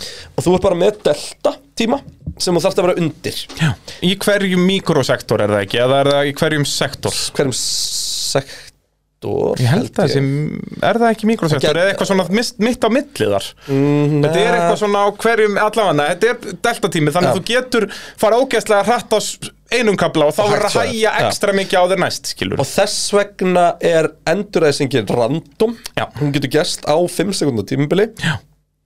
sem er á bilinu 10 til 15 sekundum eftir að Þeir fá skilabúð fá með ending, skilaboð, um já. basically og skilabóðin komið stýri þeir eru með deltatímin í stýrinu og skilabóðin koma öllum spjöldum í kringum brautin og allt annað Og þetta er í rauninni var komið inn bara eftir döðaslýsi því að Jules Bianchi það sem að kom í ljós og tvöföld gulflögg eru bara ekki nóg að þá er þetta svona bara eins og þreföld gulflögg basically Já, og og það líka- eru gulflögg og- og sem mátt líka- ekki taka fram úr og þú verður að hægja á þér og líka til þess að sé hægt að gera uh, já, einmitt, eitthvað sem að var tvöfullt gulflökkur út í, í gamla dag, fjarlægið bíl án fjarlægja- þess að setja öryggisbílinn út Nákvæmlega, fullkomið dæmi var þarna þegar að, ég man ekki svona hvaða bíl það var sem var ekki John Kornitjú sem að þurfti bara að íta Já. aftur Og bara tekur Þetta er enga bara stund. fullkomið dæmi, Mhm. þú veist, algjör óþarfi að- að stoppa allt mm -hmm. um, og uh, sem sagt, Russell ætlar að fara þarna fyrst þegar það kemur ending og svo náttúrulega endar hann ekki neitt og þá voru hann að hæja svakalega á sér og þá voru komin alveg bara, Bara 20 150 billjónir metrar eða bara á eitthvað, millið já. þeirra eða eitthvað, bara rosalett en Russell þá bara vinnur svo aftur hægt og rólega upp á honum þannig að bílið verður aftur það sama Einmitt. og En það sem að sagan segir frá Red Bull er að Peris hafi ekki fengið deltatíman sinn aftur í stýrið já, hann hafði Eftir þurrkast út bilunina. bara einhvern veginn Já. já. Eh, Allir aðri fengu það samt og, þú veist, og Fía segir bara við vorum að delivera deltatímanum sko, þetta er ekkert það var þá bara eitthvað software hjá Red Já, Bull þetta er basically. bara eitthvað í stýrinu hjá honum eða eitthvað og þannig að þeir fara í hún að varabúnað og ég reyndar, ég held ég að við spotta mistökin hjá þeim sko Ok. Manstu, ég sagði við, því að við fáum alltaf þú veist, brautin er skipt niður í, í sektora og þá erum við ekki að tala um sko brautarsektoruna Sem sagt, 1, 2, Já, þetta 3 er meira svona section heldur en sektor og hérna og þau eru kannski 25 á brautinu og þetta eru unnur flaggpóstar um, og við sáum þannig að þegar var reynd að starta vísinum, það var ekki búið að gera brautina græna allstaðar -hmm. en svo koma þau skilabóð og þá endar þetta þannig að hérna mögulega á það að gera sjálfkrafa og þetta krassaði, ég veit það ekki en Russell tímasetti þetta bara virkilega vel og það hjálpar náttúrulega þá að Peres til þess að fá ekki refsingur að passa sig ekstra mikið og stekkur bara á tækifærið bara hann í næst síðustu beigju utan á nú, veist, þetta var geggja dæmi sko. Já, þetta var ógstlega bara mjög vel gert, en svo náttúrulega bara Peres komst síðan ekki aftur fram úr á Red Bull bílnum með miklu meir endarhraða og bara þetta, þetta er það sem ég er að tala um með Russell eins og með að klókur ökumar og maður býst ekki í þessu þetta er, ég get bara nefnt þér tvo kannski þrjá ökumenn svona á síðustu árum sem að hafa þetta element Þetta er Schumacher. Mhm. Þar Þetta er Schumacher, þetta er Fettel og þetta er Hamilton já, Þú veist, Fettel er gaurinn sem að las reglubókina nægilega vel með stafarinn öryggispilin fyrst Já. að um leiður komin á þjónusvæðið það máttu negla Já. þú veist, þannig að já, hann ég man það var Ástralía 2017 heldur sem Já. að ferrar í vinna á stafrænum örgisbíl einmitt, og því hann basically bara hann kunni þetta, þá var þetta komið nýtt inn Já. fyrir 2017 og þá tímabili vantaði reglun og þurftir að kera hægt líka á leiðin inn á þjónusvæðið þannig að hann actually grætti tíma á að taka pitstop Já. en betur fór hann bara í gegnum þjónusvæðið Nei, nei, nei, hann tekur Hann pitstop, tekur þú veist, og pitstop. hann grætti nú ekki á því en hann sess að tapar bara kannski 6 sekundum með Einmitt. og, og, og búið með hérna, pitstopið sitt Já. þannig að hérna, alveg eins og við sjáum í dag nema það var bara yktar að þá sko. og hérna, það er svona það er alls konar svona hlutir sem að sem að sem bara ökumenn hafa gerir geggjaðan ökumann Já. að það- þú ert að kunna reglunar í íþróttunum sem þú ert að keppi hemlamálið og það sýndir össul okkur þarna Heldur betur. Uh, verkfærasalan að sjálfsögðu með okkur í pitnum og þar eru sumar útsalan í gangi, alltaf 50% afsláttur af alls konar vörum, náttúrulega mikið að slátuvélum og huguleitum þar og bara, eh, þegar þetta er ekkit bara verkfæri líka, eru með flotta svona hleðslubanka fyrir síma sem er nú geggjað í útilegurnar og allt þetta, þannig að um að gera að skella sér inn á verkfærasöluna eða vaffs.is Nota kóðan pitturinn nota kóðan pitturinn og uh, allt er í toppmálum og uh, fyrst verðum að tala um verkvarðarsöluna þá verðum við að halda áfram að tala um Ferrari því það er pitstop fail helgarinnar og Ferrari að sjálfsögðu í ein- fyrsta, öðru og þriðasætti þar Já. uh, Carlos Sainz, er það ekki rétt hjá mér og ég glimt að googla, ég ætla að googla það ég held að setna stoppið þegar tekur út refsinguna var fljótara en fyrra ég er nokkuð vissum það Nei, Jú, bara það- það var ekki 5,6 átta- sekundum fyrir að stopið var það 5,6? ok, ok Mér minni að það Já, væri ok. 5,1 eitthvað. og síðan var hitt 8,4 held ég þannig að munað aðeins, eh, en ekki svo miklu ég held að Ferrari þurfa að gera meira af þessu taka bara alltaf út 5 sekundar refsingu til að vera fljótar inn í pit Það gæti verið Gæti verið sterkur leikur og guðminn almattur með og sko Óskar Kristoffer spyr uh, mjög áhugaverða spurningu. Var ekki næra að hafa ennþá mann með lollipop eh, skiltið fyrir framann menn í pitnum heldur en þetta ljósadrasl sem endalaust er að klikka? Sko Ég- þetta ég held að ljósin ljósadraslið hafi er- ekki klikkað, sko. Nei þetta er alltaf human error, það eru manneskjur sem stjórna ljósunum en ég held að úst, þarna er, það er lollipop gæi, hann stendur þarna, hann er bara ekki með lollipop heldur er bara með takka og þegar að bíllinn er þú veist, nokkrum eh, kannski halvri sekundi frá því að vera að droppa niður þá ítir hann á takkan Er þetta ekki einhvern veginn þannig að þú getur ekki ítt á takkan ef að hjólinn er ekki læst undir bílnum Því Jú, að þú, þú þú veist, sér það að er hann tekur komið- byssuna aftur hægra meina framann Já, já, en ég held að lollipop gæinn geti ítt á sundtaka Ok. okay. Því að hann er bara að gera ráð fyrir að, það- að bílinn er núna á leiðinni niður Gerði ekki ráð fyrir að, að þetta væri seint að vera hægra framann Þannig að, að hann ítir á takkan og svo eru þeir seinir aðeins En hann er búin að íta á takkan og hann tekur það ekkert tilbaka Já, svo Þannig loksins að þá um leið og hann herðist byssan. kemur og þá bara fer bílinn og lollipop gæinn getur ekkert gert Já. Þannig að þetta er ennþá human error En vissulega hann væri með lollipop skilti sjálft að þá hafði hann geta nelt í niður bara aftur og hann þá að vera hægt í þessu að taka þetta einhvern veginn tilbaka en hann bara hefur ekki nefndi út að hann gerir það fyrir að það myndu bara tæmast um sekundu en ekki þrjá Einmitt. Þannig að, að þetta er alltaf human error og já, Ferrari eru bara í toppmálum í, í, í verkvarðsvöluhóttninu, það er bara svoleiðis. Uh, þá er komið að Alpine uh, í fyrsta skipti sem við tónum svona snemma um Alpine þar sem þeir eru komin upp í fjórðasættið og eiga það svo sannarlega skilið með 93 stig eru komin fjórum stigum á undan McLaren, Fernando Alonso uh, ennþá í tíundasætti, Esteban Okkon í áttundasætti eins og þar á mótinu, uh, uh, Alonso með 37 stig og Okkon með 56 og Fernando Alonso Eh, ekki bara núna með lengsta fyrirlinni í Formule 1 heldur er sá aukumæður sem hefur kert flesta ringi Já, og náttúrulega heldur betur. eftir þetta tíumbil verður hann líka reynslu mest aukumæðurinn sem það flestar flesta keppnir. keppnir sko. Sko- hann er að tekka í þetta allt Hérna uh, Geggjaði slagur bara Alpín og, og, og McLaren Já, Bara mjög- mjög Alonso skemmtilegur. og ymmit, geggja að hafa báða bílana að berjast, allir fjórir að berjast um þetta var, þriðasæti. þetta var tvöföld samloka Já, það er svolítið Þetta var svolítið klúbbsamloka. Alonso talaði um það að bara ræsingin var mjög mikilvæg hjá hann um að komast fram úr Norris þar mm Mhm. það Norris náttúrulega ræsir tveimur bílum á undan honum skilur, Russell er hann á milli þannig að er náttúrulega geggjuð ræsing hjá Alonso sko, ég fætti alltaf til að að finna það á YouTube bara engar af því hvernig hann læsir sig að utanverðin í annari megin það var geðveikt sko. Hann kann þetta og hérna og Hann svo ég held að sé alltaf búin að teikna upp nákvæmlega hvað hann ætlar að gera fyrirfram Já, hann talaði um það einhvern tíma meðan viðtal bara 2007 eða eitthvað að þá talaði hann um það að hann er alltaf með svona 15 mismunandi scenario í hausnum á sér Já. hann er bara búinn að pæla í 15 bara ok, ef að þessi þarna fyrir fram mig fer þangað en þessi þarna vinstra meginn fyrir þangað þá ætla ég að þangað, en ef að þessi fyrir þangað og hann er bara búinn að setja upp, já, eins og sé, svona 15-16 Það scenario í gerist hausnum á bara sér ósannort þegar hann er að gera Já, um- þá er hann bara, þetta er eins og bara tölva hann bara, nei, ég fer í þetta prógram eða þetta gerist Einmitt. og hérna, og Alonso talaði síðan um það bara að mikilvægt að komast fram úr Norris og náða stjórna keppni þar eitthvað grjótharðustu radioskilabóð sem við um séð Alonso er segur í að koma annarkvort tell okkon to defend like a lion Já. og nú kom hann með sko að að hann var að reyna að hægja á sig til að rústa dekkjónum hjá McLaren Já. what a very good man Já.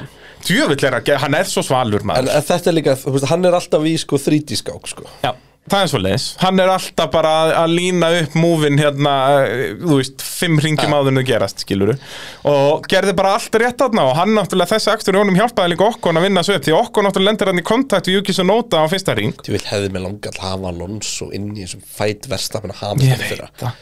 Því að þú veist, hann Ég er er bara að hafa hann í jafn fætt bara ef hann væri alltaf á eitthvað remotely ágæti spíl allan fyrirlinn mikill djövill sem hann hafi verið, bara formúlinn hafi orðið geggjuð. Pældu bara turbo hybrid árin, skilur við. Einmitt. Ef hann væri bara á, þú veist, þó hann hefði bara verið á Red Bull bílnum þá, þá var hann samt sennilega verið að berjast við Rosberg og Hamilton, sko. Já. Það hann er bara störtlaður aukumæður og við erum alltaf að tala um það. Einmitt. En eins og ég segja, okkon lendir hann í, í kontakt við Juki og tapar náttúrulega fullt að sætum hann til fyrsta ring og fer 5 sekundar refsingu sem hann þarf að taka út í fyrsta stoppi. Þannig að, að það að hann náði síðan að komast fram úr Ricardo og sýnir hvað þetta var bara geggju keppni í okkur og náttúrulega hvað Daniel Ricardo er ógeðslega lélegur kappatisugumæður. Nei, þú ert með henni glans Ég er með hann í glans, sko, ekkert eðlilega góður Ég, ég er búin að senda hann efst í stokkin minn, sko Já.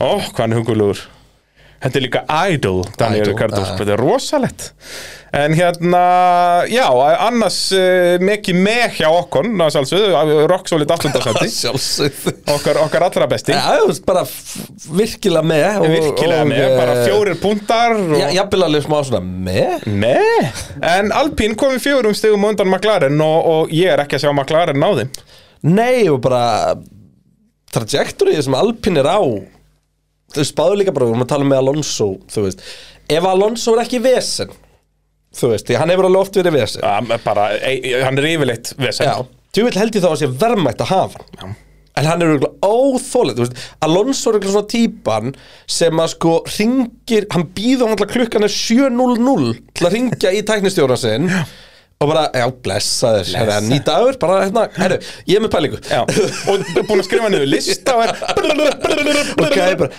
hérna, já, ég ætla að fá maður korflex hérna, fyrir við verðum þetta. hérna, en þú veist, eins og talandi um Alonso ef hann var á góðum bíl og eitthvað, pældi ef hann hafði ekki þú veist, út af hann náttúrulega brennur alltaf brýr hjá Ferrari eins og hann gerir hjá öllum liðum út af hann er vesen Já. ef hann hefði verið á Ferrari allan turbo hybrid hann hefði pottið orðið tvöfaldamestari 17 og 18 Já, ég held að ég bara allavega átján en, en það er náttúrulega út að hann var vesend og þá fer hann til McLaren og verður vesend þar á handónindum bíl en uh, McLaren uh, dotnir eru í fimmta sætið og eins og ég segi ég er ekki að sjá það komast að ofar þú veist, eh, þeir eru ekki að fara að vinna Alpín þetta er allt bara aukumannslænappið Já. Bílarnir eru alveg á pari, þú veist, McLaren er kannski aðeins verið með það út að hann er meira upp og niður Alpín er miklu meira konstant, bara jafn góður á öllum brautum En þeir eru ekki að fara vinnan inn í sæti með Ricardo í þessum bíl, sko Nei, þú veist Ricardo sagði nú hérna um helgina Látt mig hafa bíl sem ég get unnið á og ég vinn sko Ekki með, no- hann þurfti að vera einn í þeim bíl þá, ek Já. ekki með neitt liðsfélag Það lítur svolítið út fyrir það Þú- Ok, við tölum um, ok, nýjunda sæti, þetta eru tvö stið, þetta er rock solid Hvern vann hann? Lance Stroll Stroll var í tíunda sæti Já, Þú veist, hann, er, hann var bara eins neðalega og mögulega hægt var að vera á þessum McLaren bíl Eins lélugur hægt er, þó að við tölum, jú, jú, tvö stið og blablabla, Bara, shit hvað hann er lélugur, sko Hann verður að fara í indikar, þetta er agalegt, það var náttúrulega núna mikið af umræðum um, þú veist, út af þegar að hérna, hvernig, hvað byrjaði þetta aftur, að Colton Herta var að fara að prófa bíl og þá held allir bara, já, Ricardo var að hætta á eitthvað, Ricardo þurfti að setja inn sjálfur bara, heyrðu, ég er ekki að fara að hætta, þú veist, þú þurfti að setja það á samfélagsmiðla. algjörlega Eða, Þú veist, það var nú líka bara svolítið meira sko Já, út af McLaren voru, það var náttúrulega major dæmiðan í Indikar hjá McLaren Já, Þeir voru að annánsa að það væri með ökumann sem var ennþá samningsmyndur önnur liði og eitthvað, og allt í, Já, já. allt í toppmál en, en ég vil bara sjá Ricardo skella sér í McLaren í Indikar eins og ég segi í hverjum einasta þetta hér já Hann Hvað, ætlar en ekki að gera núna, það en núna er eitthvað verið að tala um að Fettel sé að fara að taka sætti Herja, það var reyndar heldur rúmur Já, en það er ekki bara ákjætt Já. Fettel og Norri saman Ég held að það er bara líka áhugavert Já, sjá hvað Fettel gæti Hvort gegn hvort hann Norris eigi eitthvað eftir sko Út að þú veist, það er ekki, það er ekki samanbyrður að hafa hann með stról, sko Nei, strólinn er þetta sigur um helgina Nei, hversu oft segjum við þetta með Stroll? Veit það. Hann er alltaf bara Bara, þarna. bara, Bara, heyrðu, Stroll er komin upp í tíundasendi, já, hver- hvernig eitthvað gerist er það? Aston Ég, Martin. ég hef ekki hugmynd um það. Já, þarna, þú veist, ræsir 15. og endar 10. og detta ykkur út og, þú veist, þetta er, þetta skiptir einhver máli, eða, þú veist, Já, æ, hann fekk stig hann fekk stig, vei, Nei, þú veist ég að segja, það skiptir máli Já, auðvitað. Og hérna, hérna, djúvill var að fyndi þarna uh, loka atriði hjá þeim Já, guðmi, Fettel, bara, Hann breakcheckaði Fettel, já, sko 100p, og Fettel bara, hásbrytt frá því að bomba aftan Já, á hann, sko. djúvill Shit, hefði það hvað verið hafði verið fyndið ef hann hafði bara snúið honum og komið yfir línu með engan framvæng og, og Fettel hafði fengið þetta eina já, stig. Út af því að hann var breakcheckaður Já, shit hvað það verið fyndið maður uh, Hafliði Jónsson spyr Er ekki brallinn bara sáttur mér Ricardo náði tvö stig í dag? Ég er ótrúlega sáttur með minn mann og, það, og fólk er náttúrulega alltaf að miskila Halda að ég, uh, sko, er Ricardo heitir Ricardo, það er hann sem er að brjóta hjartaði mér Já. Það er svoleiðis Já. uh, Bjarni Ben, hversu mikið drastlar þessi McLaren? Þarna senda hann sko inn vídeo Já, sem ég hveti okkur til að skoða Já, það sem sko Landon Norris kemur upp í bílnum sínum og tekur bara bút, var þetta úr hans bíl? Ég, það, ég Ég trúi veit því það ekki, ekki. ég held ekki. Það var ekki komið í ljós, sko, ég var að skoða þetta í gær, það var ekki komið í ljós hvaðan þessi bútur var, en það risastur karbonbútur bara í hliðin á bílnum með Norris. Þetta er bara eins og í gólfinni á verðstappin á Silveston. Og hérna... Þetta var, þetta, var, þetta var svo fyndil spurning sko, hversu Já, mikið það og- er að bara og- tekur eitthvað upp Líka, já, út- þetta er út að ef maður hugsaður um þetta, ef þetta væri úr hans bíl og hann bara svona stígur út úr bílum eftir eina sekundu bara risastór, hvað er þetta? risastór karbonbútur Þetta er alltaf gott dæmi, sko En eh, já, maklarendóttnir er í fymta setið Það er bara svona leis Arena, það er heimavöldu pitsins Eh, Hvetjum alla til að kíkja á Arena eh, og horfa á keppnar þar Já. Vestlarmanna helgi Þetta er- framundan helviti ef að gaman, fólk er í bænum sko. að þá er þetta að skella sér á Arena Já, helviti gaman sko Taka núna ungarskapasturinn Já. Svo verður farið í breytingar á meðan að eh, pásan er Það er Þannig að svoleiðis, við fáum loka við ágúst nýjan verður- heimavöll Já, í- í- Fáum uppfæran Vi, Við ætlum að koma Lýstu á með hann. sumaruppfæslur Já, heyrðu, það er Ja. rétt Pitturinn að koma með sumarifæslu Ah. Og allt hugsa til þess að gera það betra einmitt til þess að eh, fyrir, Horfa á Formúlu fyrir The Goddamn Pit Crew Það er bara nákvæmlega svo leiðis er, Hvað gerum við ekki fyrir pitcrew? Það er bara svo leiðis nefnilega málið.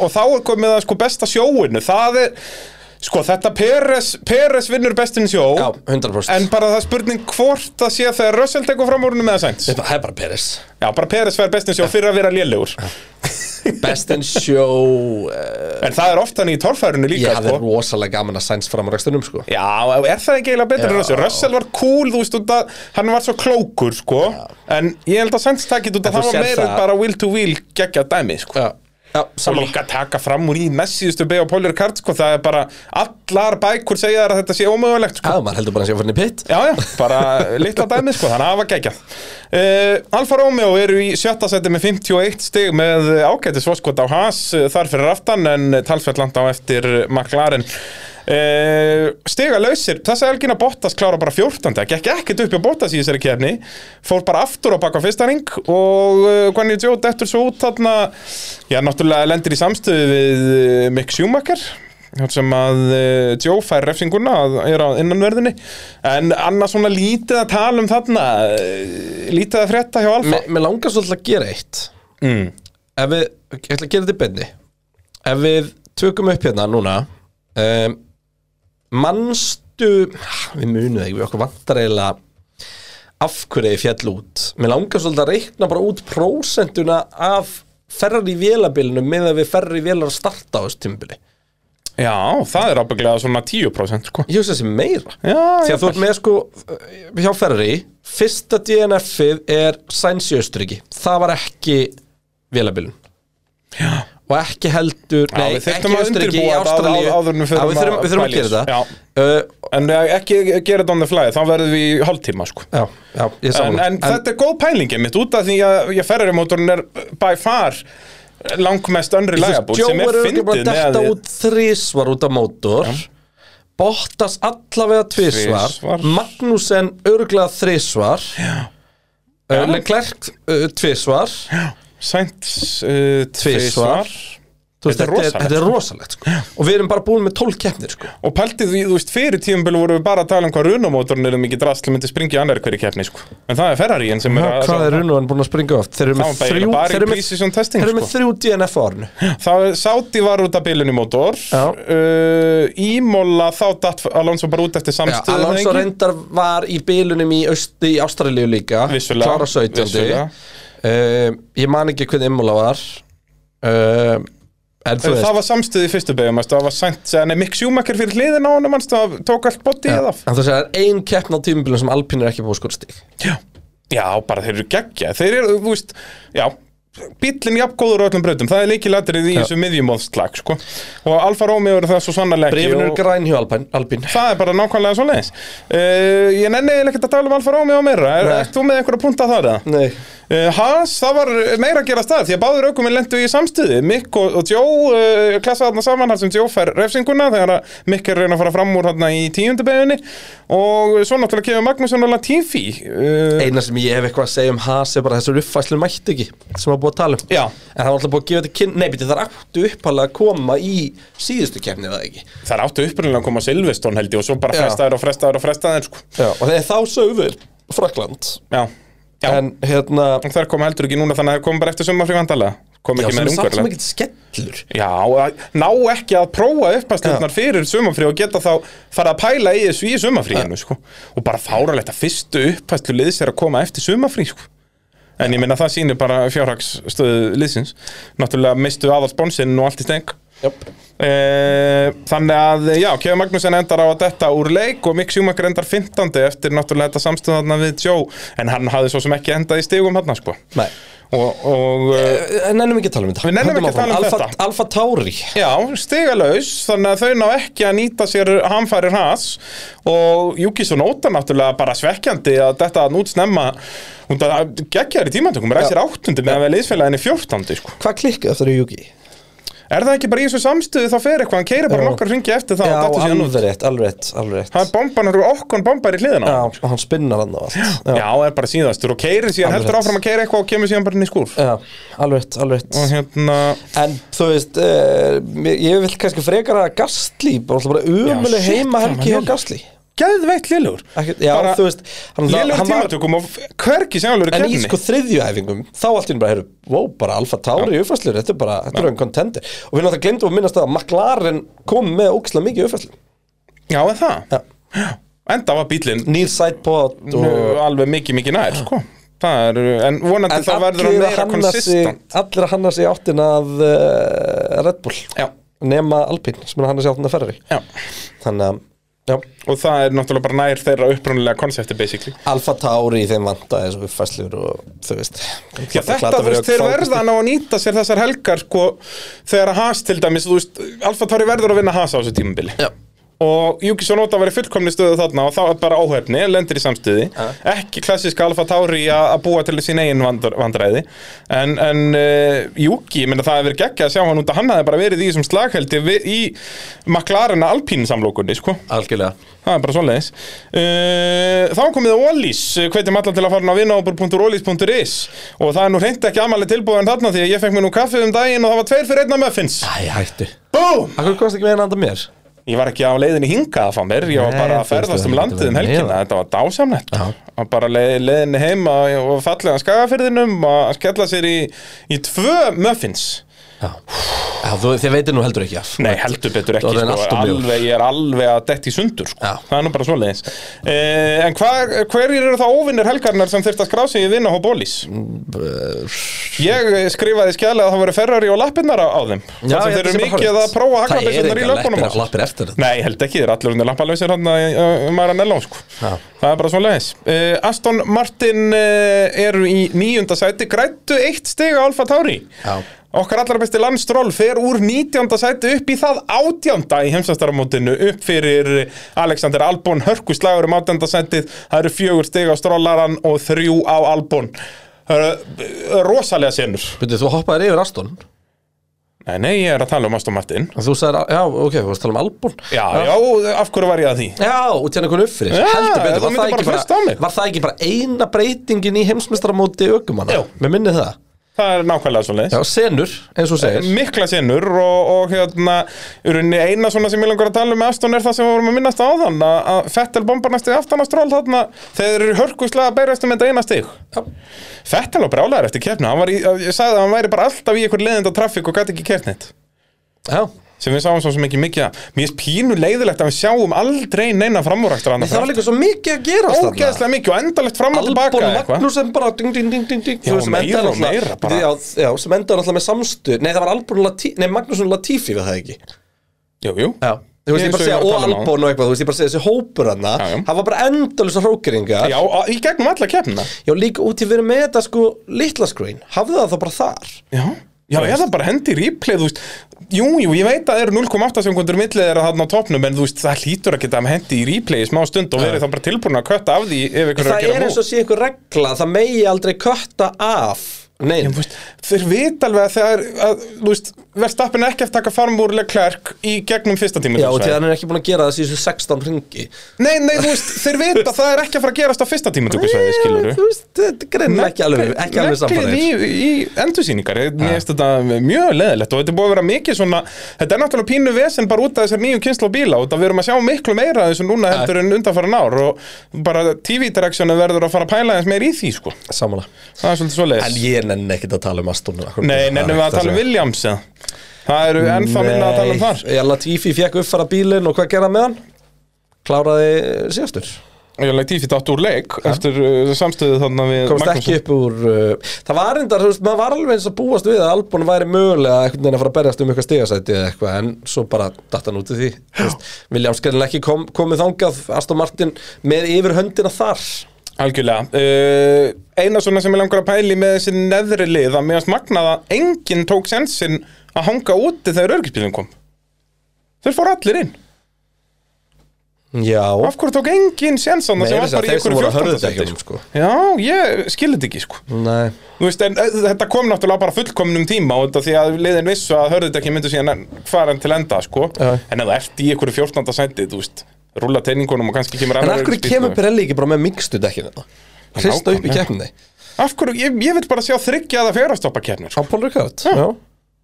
og bara almennt, hafa þetta bara að meðal keppni væri alltaf 2-3 stopp Já. Það er oft talað um sko hérna ef að dekkjavalar er bara gefið alveg frjálst já, En vandamál alltaf það að liðin eru með alltaf mikið data sko já, Þú veist, þau myndu Það öll enda á má ekki. nákvæmlega sem ég kemur sá allir Jeps. Bara, það er nákvæmlega svo leiðis og þú veist, eins og við erum alltaf að tala um með að, að þegar að í fyrstu sprettkeppnunum þegar að var síðan á grittinu er sko, ok, núna verður áhugavert að sjá þetta, núna er enga reglur með tímatökur og, og þá getum við fengið bara öll þrjú mismunandi það var dekkin einn Alonso á mjúkum já, annars bara allir á milli öðru Akkurant Eh, Báðulegða sjálfsögðu með okkur í pitnum ef eh, að eh, þau vantar einhverja þjónustu með, með þitt fyrirtæki, með símkerfi og net eða teknithjónustu og, eða bókaldsjónustu þá er bóðilega heldur betur uh, fólkið í að græja það og, og náttúrulega líka bara fyrir einstaklinga eh, ef þeir eru í vesinu með bókaldið uh, Hver er bestu ökumæðurinn ekki í topp þremur? Ég hendi tveimur nöfnum hér fram uh, og það eru spannverðarnir tveir Sainz og Alonso ég held ég sé bara saman, ég held ég sé sæns sko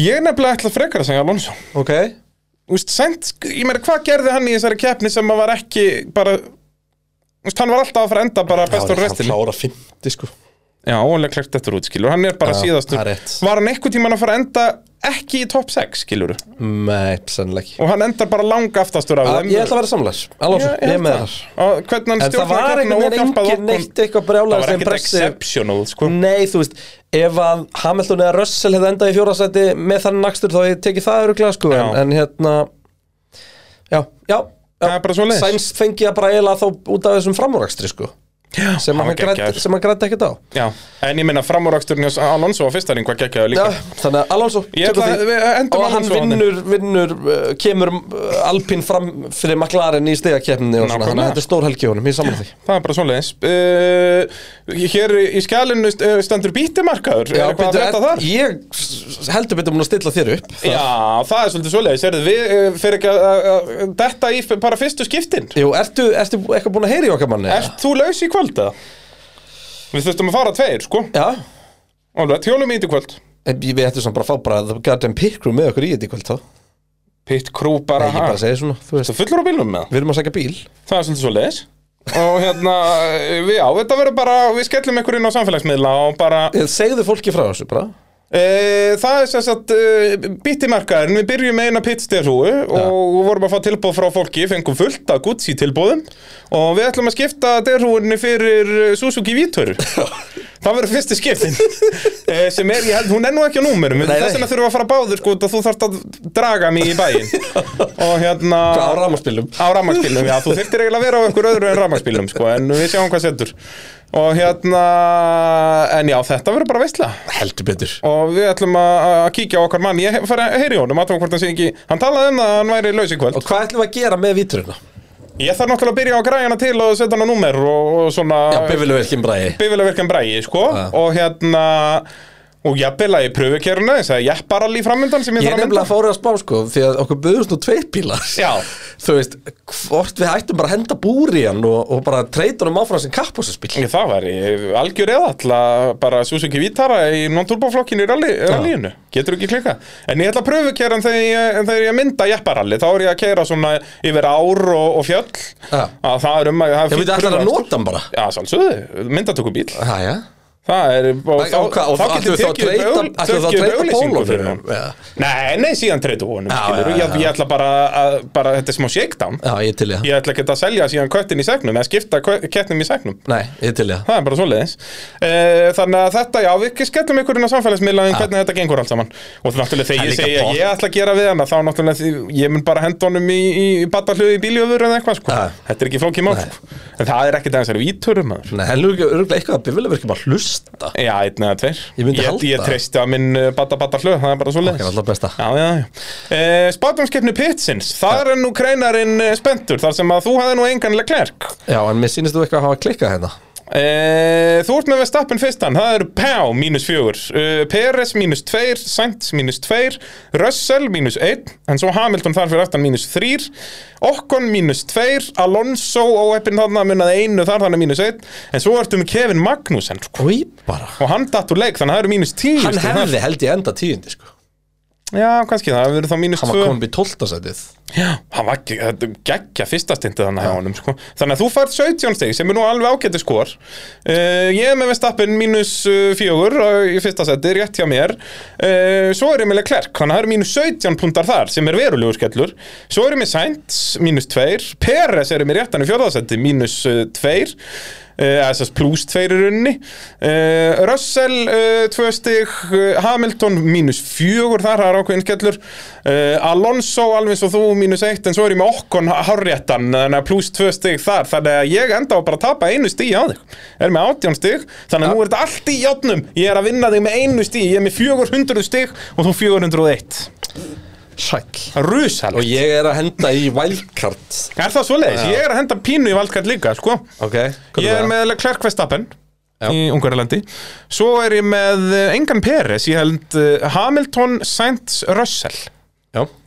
Hvernig er topp 5 hjá þér? Hamilton, Leclerc, Verstappen, Sainz Wow, þú ætlar að hjóli í það Ég ætla bara, þú veist, ég er búin að segja þetta svo lengi Ég Þú ætlar að hjóli í það ætla að hjóliða, sko Ú, Það vantaði bara að þetta hefði verið 300. keppni Hamilton í Ungverlandi, Já, sko Það það hefði verið hefði verið skrifað í rosalegt. skíin, sko Já, og Vestappen þriðju, þú- hvernig heldur þessi keppni, Ég hvernig held, að heldur þessi Ferrari, úrslit ég, verði? held, ég held að þetta sé rétt hjá þér, sko Að Ferrari hafi yfirhendina? Já, þú veist, miða við tímatökusvæði þrjú í, í hérna, nei, já, þrjú og, og það í, í Paul Ricard þá, þá trúi ég nú eiginlega ekki öðru heldur en að, að hérna, að ferri hafi þetta í Ungarlandi Já. og þú veist, það er ekkert sem segir mér að Hamilton ætti að geta eitthvað þar en ég ætla bara Þú ætlar að henda þessu í kosmósinn. Nei, Ég ætla að góða það gött En samt ertu að spá Leclerc og Vestappen að þið klári báðir? sko. Já, Það er áhugavert. Uh, hvernig ertu það með er bara fjóra? út af því ég ætla ekki að, að fokka gjössamlega spáðurskefni minni, sko Já, já, jú, jú, vissulega. Ég er með Sainz fjóra, Þú ert með Sainz fjórða og fynda.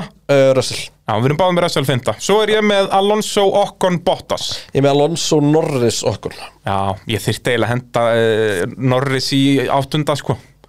En ég... eh, Það er of seint núna. Það er á sent núna. Þannig ég verð að treysta á... Bo- Bottas er alltaf hann í kring, skilur. Í vestafalli verður hann tíundi. Já, en Alfa Romeo er bara á ekki að vera góður Nei, og hann, Ef þó. Alfa Romeo eru bara in a downward spiral. Svo náttúrulega bara meikar ekkert sens neitt af því hvað er einhver bíl að vera góður og við fengum ágætis útskýringu á því svona eftir því sem maður fyrir að hlusta meira á liðin og, og þetta er, verðist vera meira að fara að snúast um hvaða brautir eru undirstyrir og yfirstyrir því að Já. þær sem eru front limited er Red Bullin betri og þær sem eru rear limited er Ferrariin betri Já. og það er bara út í að hinn bílinn er að slíta þeir slíta ójæmt fram og afturdekki um Red Bull og Ferrari sko. Já. Hann, eh, og þá er það ekki tímatöku eða ultimate pace, þá er það keppnisræði sko. Já, Hann, já. Þetta En er erum við, ekki dásamlegt. bara, erum við ekki bara að pakka það? ég held það. Peturinn ekki lengri að sinni, hann er nú samt alltaf langur Já, það er bara, við, við getum um bladraðum Formule 1 endalust Jep. og ætlum að halda því áfram á, á fimmtudag. Já, miðgönda 15, mið 5 Með fimm. Erum við búin að ákveða, er ekki bara 5? Fimm getur verið hugulegt. Við Þá kemur, pælum í- þá kemur uppbyrna þáttur fyrir ungarska kapasturinn á pitturinn.is Allt með besta móti, við elskum ykkur, takk í dag